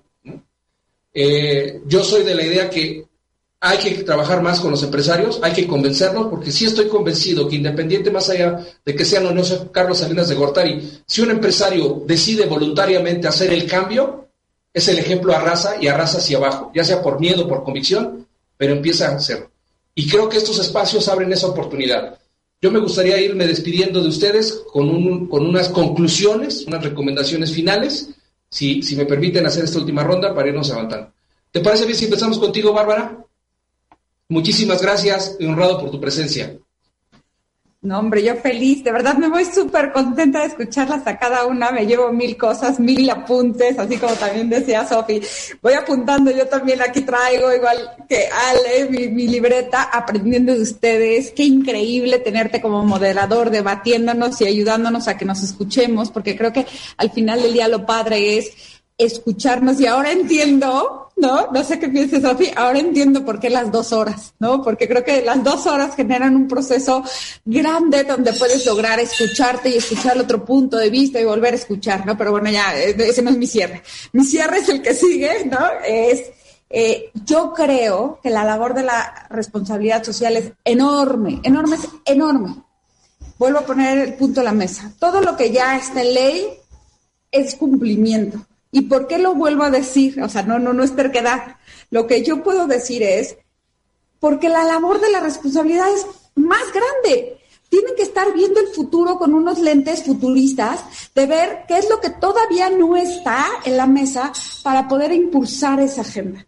¿no? Un ejemplo de todo esto es, eh, yo estaba escribiendo aquí unos apuntes, dice, yo creo que uno de los puntos que puede hacer la responsabilidad social y es medular, porque no estoy hablando de poca cosa, es exponenciar el bienestar individual de los seres humanos. Y por exponenciar el bienestar individual de los seres humanos ya se podrán imaginar todo lo que le entra allá adentro. Porque exponenciando el bienestar individual de los seres humanos, podemos exponenciar el bienestar colectivo y ya se imaginarán todo lo que entra ahí, ¿no? O sea, porque desde ahí entra todo lo que es ambiental, todo lo que es de trabajo. Entonces, ejemplos es, creo que tenemos que enfocarnos, ¿no? Y me encantan estas cuatro mujeres que están aquí maravillosas, tenemos que empujar a a realmente impulsar la creatividad, la innovación, estas dos grandes distinciones. Creatividad en materia de responsabilidad. O sea, ya no hay que platicar, ¿no? En ese tipo de cosas de lo que ya está en ley. Lo que ya está en ley ya está en ley. Y se le tiene que construir una metodología de implementación. Y se le tendrá que, como decía Andrea, no, bueno, es que va a tener este, multas. Va a tener multas como todas las regulaciones de México. Y con esas multas tendremos que hacer algún mecanismo para no caer en las multas y en el incumplimiento ya sea legal o reputacional. Pero en la parte de la responsabilidad, esta creatividad nos tiene que, estar llevando a ver lo que todavía no está en la mesa. ¿no? Como lo que decía la mamá de Ale, el boleto, ¿no? Como el señor de los huevos, como muchísimas cosas. O sea, ya tenemos equidad de género, ok, perfecto que tengamos equidad de género. ¿Qué más falta, no? Falta diversidad creativa, o sea, falta de que la mujer ya esté sentada a la mesa, pero el siguiente punto es que pueda hablar, o el siguiente punto es que podamos discutir en temas creativos, auténticos de lo que viene de ti, o, vamos a seguir cumpliendo normas de lo que sí puedes decir y lo que no puedes decir en una mesa, ¿no? Ese es otro, desarrollo de las mujeres. O sea, hay planes de desarrollo, ¿no? En cuestiones ambientales, o sea, todos sabemos, o sea, nada más tenemos que entrar a todos los hoteles de Tulum, hay muchos que no cumplen con las cuestiones sustentables, pero también hay muchos locales extranjeros que hacen muchísimo por este enfoque tanto de agua como de químicos para proteger, ¿no? Nuestro propio país, ¿no? Entonces, hay cuestiones sustentables, hay cuestiones ambientales que todavía hay que trabajar, hay cuestiones de animales, hay cuestiones de experimentos, hay cuestiones de granos, hay cuestiones de trabajos, hay cuestiones de tecnología. Entonces, yo creo que hay muchísimos temas, ¿no? Que con esta creatividad, con esta fuerza, con este empuje, se pueden poner en la mesa, ¿no? Y generar, como nos decía Ale, generar muchísimo soft law que luego se pueda meter en una regulación y que entonces, ya que esté en la regulación, pues se pueda generar un programa de implementación y se cuide para las, las empresas, ¿no? Pero ese ya es el segundo paso. y, y lo que falta es otro tema para que podamos seguir continuando otras grandes horas ha sido un honor, un placer, un privilegio tenerte en estos micrófonos, querida Bárbara. Merecido premio que te llevaste este 2020. Felicidades. Muchísimas gracias, honrado con tu presencia. Feliz de estar contigo y con ellas. Muchísimas gracias. Sofía, por favor, un mensaje, cierre final, por favor. Y muchas gracias, honrado, y felicitaciones por tu nombramiento y el mejor de los éxitos. Lo vas a hacer muy bien, tienes la capacidad, el talento y instituciones como México, como vamos, van a ayudar al crecimiento de este, de este maravilloso país. Gracias. Nosotras. Les agradezco a todas y especialmente a ti, eh, José Antonio. Mira, nada más de cierre yo quería mandar un mensaje muy preciso. Eh, en sintonía con lo que decían eh, mis colegas, porque todas lo acabaron tocando, es muy importante que se quede ya en ley una vez que haya evolucionado, digamos, esta parte de la responsabilidad, pero yo tampoco soy tan optimista que necesariamente se cumpla. Y les voy a poner un ejemplo. Por ejemplo, en, el ICE 500, en el índice este de cumplimiento de integridad corporativa de la calidad de los códigos de conducta, podemos ver que entre los sectores mejor calificados, eh, de acuerdo a este índice, está el de minería. Y esto no es casualidad, es que los mejores eh, estándares de compliance los tiene eh, Pemex y los tiene CFE. No sé si los cumpla, lo que sí me queda muy claro es que es muy importante empezar a ponerlo, porque obviamente eso sienta el estándar para el resto de la industria minera, no son solamente esas dos empresas en el, en el sector. Y por otro lado, también me parece muy importante voltear a ver aquellos sectores donde por cercanos que parecieran no está permeando. Por ejemplo, siderurgia y metalurgia tiene de las peores calificaciones eh, promedio de las empresas en esas industrias. Entonces, tú dirás, ¿cómo? Minería está hasta arriba y siderurgia y metalurgia están tan abajo. Sí, porque la norma te va elevando el estándar, pero es importante que se cumpla, porque si no, otra vez se va deteriorando y al final ignorar las leyes en este país no pareciera ser tan difícil. Y la última idea con la que quiero dejarlos es, también importa muchísimo eh, que haya presión por parte de los miembros, los clientes, los accionistas, los inversionistas, los socios, porque tenemos sectores donde, por ejemplo, participa muchísima, eh, muchísimo personal, digamos, independiente, como el de los servicios inmobiliarios o el de la hotelería, restauración, turismo, restauración, me refiero a restaurantes, eh, que también están entre los peores sectores en términos de sus políticas de integridad. ¿Qué quiere decir eso? Pues que ahí entre la rotación de personal, entre que es en muchos casos mujeres que tienen familias, entonces optan por estos trabajos, digamos, con mayor flexibilidad o, donde puedes simplemente renunciar de hostes en un hotel para irte de mesera a otro o de eh, la que atiende en el bar o demás. Eh, esta rotación, esta movilidad eh, del empleo que hay en estas industrias, también la encontramos en, los sectores como de cuidados, enfermería, trabajadoras del hogar, etcétera. Eh, es muy importante que como sociedad entendamos que sí, la presión importa mucho y el actuar en consecuencia importa mucho, porque si no, no vamos a salir de esta dinámica donde cuando hay ley ya el estándar está puesto y está muy alto y donde no hay ningún tipo de regulación o donde el propio mercado laboral obliga a tener cierta flexibilidad. Entonces, e, eso pareciera ser eh, un impedimento, digamos, para que todos los sectores arrancaran por igual. Eso y que además cada una de las empresas solicitara que sus proveedores, sus clientes, sus compradores, sus socios, eh, accionistas y demás mantuvieran los mismos estándares dentro de sus propias empresas, rubros, eh, actividad comercial, empresarial, eh, etcétera. Entonces, muchas gracias por el espacio. Encantada además del tipo de público que nos escucha, me encanta que haya eh, personas de sociedad civil y también del CPC. Eh, perdón, no alcancé a escuchar el estado o registrar en mi Sonora, el estado de Sonora, Irma Laura Sonora, presidenta. Me da muchísimo gusto, muchísimas gracias. Gracias, el honrado somos nosotros y aquí está este, Estrategia Intelectual para lo que ustedes gusten y manden. Me acaba de mandar un mensaje Jessica Estrada desde Los Cabos, me dice que no se preocupen que este programa lo, va, lo vamos a retransmitir en varias ocasiones para que se pueda replicar y se pueda seguir viendo, que lo vamos a, lo vamos a poner con permanencia, ¿no? Doctora, un placer haber, haber coincidido contigo. Yo me despido contigo porque lo tengo que decir al aire. Fui honrado el día que presentó su libro. Fui una de las personas que estuve presente cuando hice la presentación de su libro, o sea que... Honrada fui yo que me acompañaste. Tengo, tengo la gracia, muchísimas gracias por esa decisión. Tus conclusiones, muchísimas gracias Alejandra por tu gesto no, no, no, Muchas gracias por la generosidad intelectual que, de estrategia intelectual que nos ha invitado a, a, este espacio, que de verdad me he sentido en casa eh, con el anfitrión, José Antonio, eh, con Jessica eh, y obviamente con todas mis colegas. De verdad que ha sido muy enriquecedor. Estas dos horas o un poquito más de dos horas han sido muy, muy enriquecedoras y de verdad que son tantas las ideas que, que nos han, eh, eh, digamos, es un brainstorming impresionante. Yo creo que nos llevamos mucha tarea. Eh, pues bueno, yo tengo tareas, siempre, siempre estoy pendiente con eso, a mí como que la cabeza nunca, nunca va en off, ¿no? Ya sea por la fundación en la que estamos tratando, con la Fundación Italia-México, tratamos de eh, naturalmente concre concre concretar los objetivos del desarrollo sostenible. Y esa sería mi primera eh, idea o sugerencia.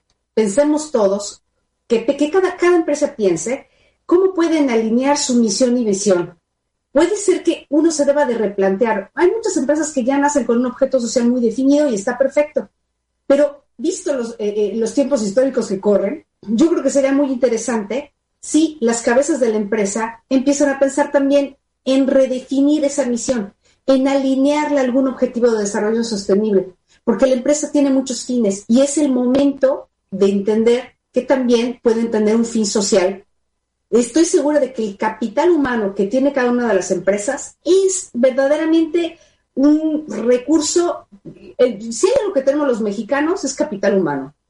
Y lo veo, ¿eh? Y lo veo porque mm, generalmente por el trabajo y todo, no nada más me toca convivir con gente en Italia, sino que me toca convivir y, y conocer a gente de muchos lados del mundo. Y me doy cuenta que el mexicano tiene un capital impresionante, un capital intelectual impresionante. Entonces tratemos de pensar en alinear esa misión y visión a un objetivo de desarrollo sostenible. El, segunda cuestión, la responsabilidad social de la empresa se tiene que implementar siempre con un enfoque top-bottom, ¿no? Entonces, debe ser siempre el CEO de la empresa el que va a estar liderando el cambio.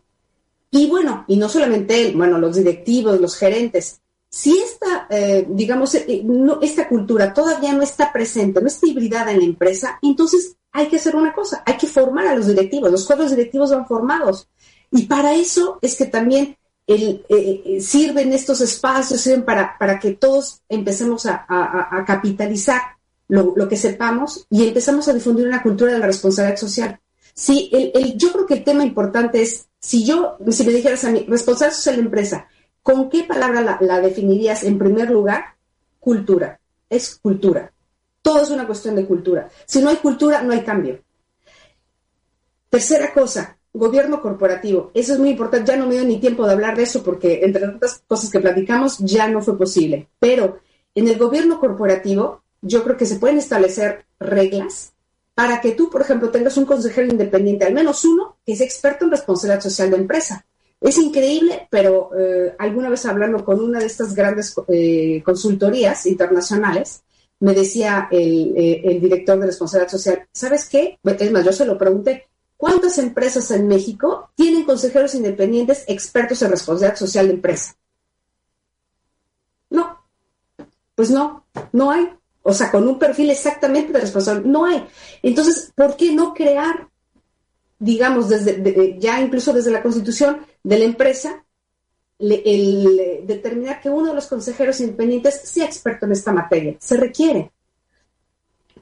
Y una, otra cosa, pensemos también en las pymes, que son el tejido empresarial más importante de México, las empresas pequeñas, medianas.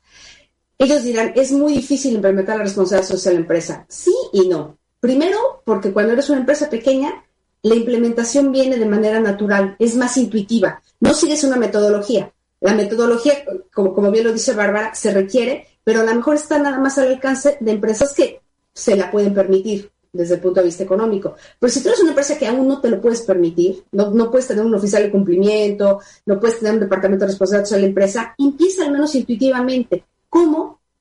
Hazte de un código eh, de ética. Si tú tienes un código de ética o código de responsabilidad social, como tú lo quieras llamar, tú al menos ya tienes ahí una serie de lineamientos y tienes una manera de consultar si tu, conducta está adecuada o no a un estándar. Basta que empieces así. Yo creo que es, bastante intuitiva la, eh, la, relación que puedes tener al interior de la empresa entre tu propio código, tus trabajadores y la persona que decide. Eh, y finalmente, pues nada, les quería hacer, puedo hacer un pequeño comercial, solo les ah, quería presentar a mi hijo. Ah, este es mi hijo. Créanme, nadie se vuelve millonario por, un libro, pero yo lo quiero presentar porque, porque creo que es importante que incidamos en la cultura de los demás. Ese es el punto. No es un libro solamente para abogados, absolutamente no. Está, lo, lo escribí y reescribí como cuatro o cinco veces pensando en que fuera friendly, en que fuera eh, digamos, eh, accesible a todo mundo, a economistas, que no se me vayan a dormir los economistas, que los sociólogos no, me, no se vayan tampoco. ¡Ah! Gracias. que no se me vayan a dormir. O sea, que digamos que tengo un público bastante amplio porque la cosa importante es que esta materia, siendo multidisciplinaria, la deben de conocer muchos perfiles profesionales. Si no es así, no podemos hacer sinergia, ¿no? Eh, de hecho, Bárbara lo decía así, hagamos sinergia. Y yo creo que lo primero es tener un consenso terminológico. Si todos estamos de acuerdo en algo y, sobre todo si todos partimos de la misma base y del mismo concepto, podemos construir. De otra manera, es muy difícil. Muchas honrado, gracias. Honrado con tu presencia. Muchísimas gracias. Hasta la bella Italia. Andrea, pues no me queda a ti más que agradecerte. Tú fuiste la convocante de este panel. Tú fuiste la creadora, tú fuiste la que me pidió que lo hiciéramos. Esperamos haber cumplido con, y estando al, reto. Por favor, haznos el honor de cerrar esta mesa. No, al contrario, el, gusto y el honor ha sido, pues ahora sí que ha sido todo mío de, poder eh, tener la oportunidad de escuchar a, a, voces, como les decía al inicio, voces femeninas, talentosas, comprometidas con, con, lo que, con lo que les apasiona, que eso es algo importantísimo hablando del tema de la felicidad. Y bueno, pues eh, ya entrando en materia, adicional eh, a, ti, José Antonio, y a Jessica, de verdad, eh, muchas gracias por esta oportunidad, pero muchas felicidades, porque creo que programas como estos son los que necesitamos a nivel social. Y creo que eso es algo que contribuye, como ya lo había dicho, a la cultura de la legalidad y los felicito enormemente. Para cerrar con el tema de la responsabilidad social, yo les diría, bueno, pues eh, como bien eh, hemos platicado, creo que un punto que hemos visto en común es que el tema de la responsabilidad social se centra o su protagonista es en este caso el ser humano. Entonces creo que ese es un punto en el que todas hemos llegado a un, a un consenso. Otro punto también importante que a mí me gustaría resaltar es que el tema de la responsabilidad social corporativa no es nada más un tema aislado para la empresa, es un tema en el que participa la empresa, que participan en este caso terceros interesados, el propio capital humano. Eh, y es un tema donde también participa y debe, debemos de hacer que participe en este caso el gobierno.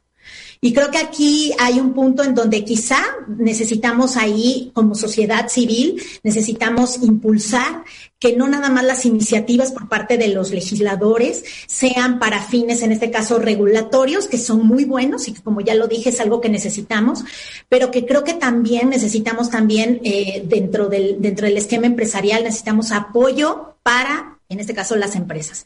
Y ese apoyo a las empresas es algo totalmente necesario y que se puede lograr eh, con, en este caso, el impulso por parte del gobierno.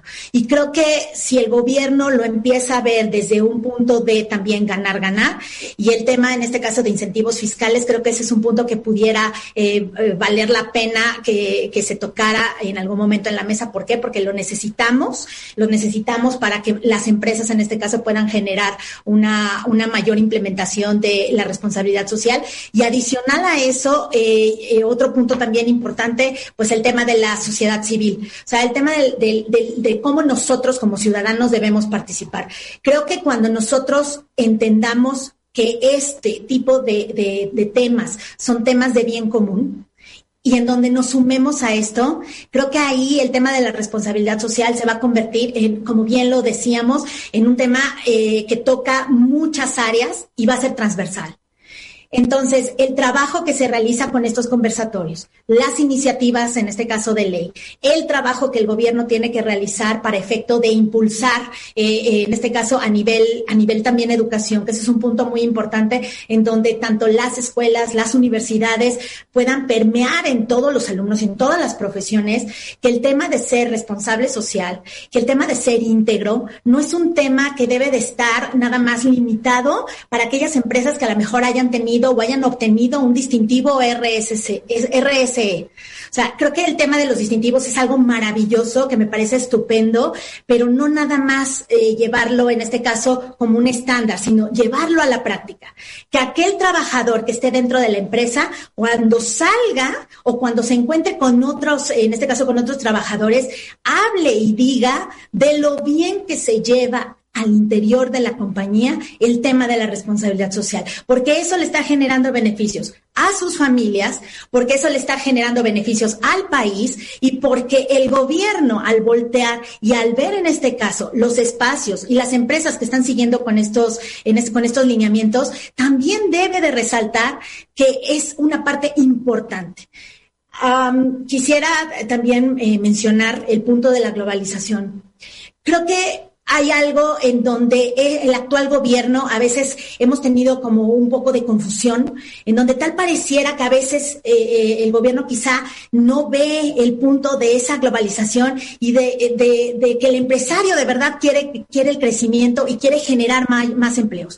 Creo que esto muchas veces es el de que la información baje de una manera, digamos, hacerlo de una manera amigable. Y uno de los puntos que a mí me gusta eh, y que me gustaría resaltar es que personas como tú que se encuentran en el Senado, que se encuentran tan cerca de este tipo de iniciativas, nos la compartan no nada más a quienes estamos inmersos en el tema del derecho, sino a esta audiencia que no está inmersa en el tema del derecho, pero que debe de estar inmersa en las nuevas políticas que hay en el país. ¿Por qué? Porque si nosotros lo dejamos nada más en una ley, como bien dices, una ley no nos puede garantizar que de verdad se lleve a cabo el cumplimiento. Puede ser que a lo mejor se lleven a cabo las sanciones y la empresa prefiera pagar, eh, en este caso las sanciones, a llevar a cabo de verdad procedimientos que eh, generen, en este caso, una congruencia entre los valores y esa alineación que mencionaba entre los valores, la ética y la integridad que toda compañía debe de tener. Les agradezco muchísimo, gracias a la audiencia, gracias a ustedes y gracias a las excelentes ponentes que nos acompañaron y que bueno, que me voy totalmente agradecida y sobre todo porque nos hayan compartido esa expertise que tienen. Pues yo no me queda más que de agradecer, decir que, que el ejemplo claro de responsabilidad social es cuando hay buenas personas. Las, las peores empresas contratan gente con talento, las mejores empresas contratan buenas personas.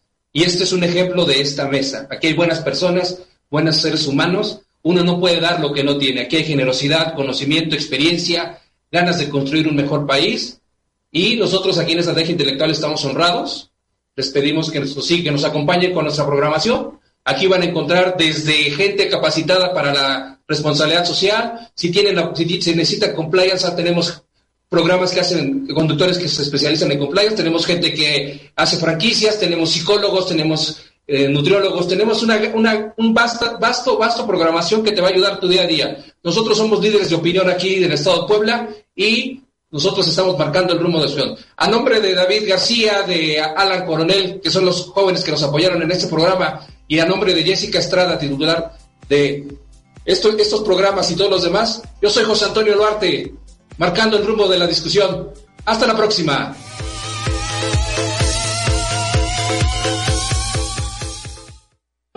Este programa especial ha terminado. Sintoniza www.estrategiaintelectual.com y no te pierdas programas como este y muchos más en Estrategia Intelectual. Somos la capacitadora. Terminamos. Gracias por escuchar este podcast.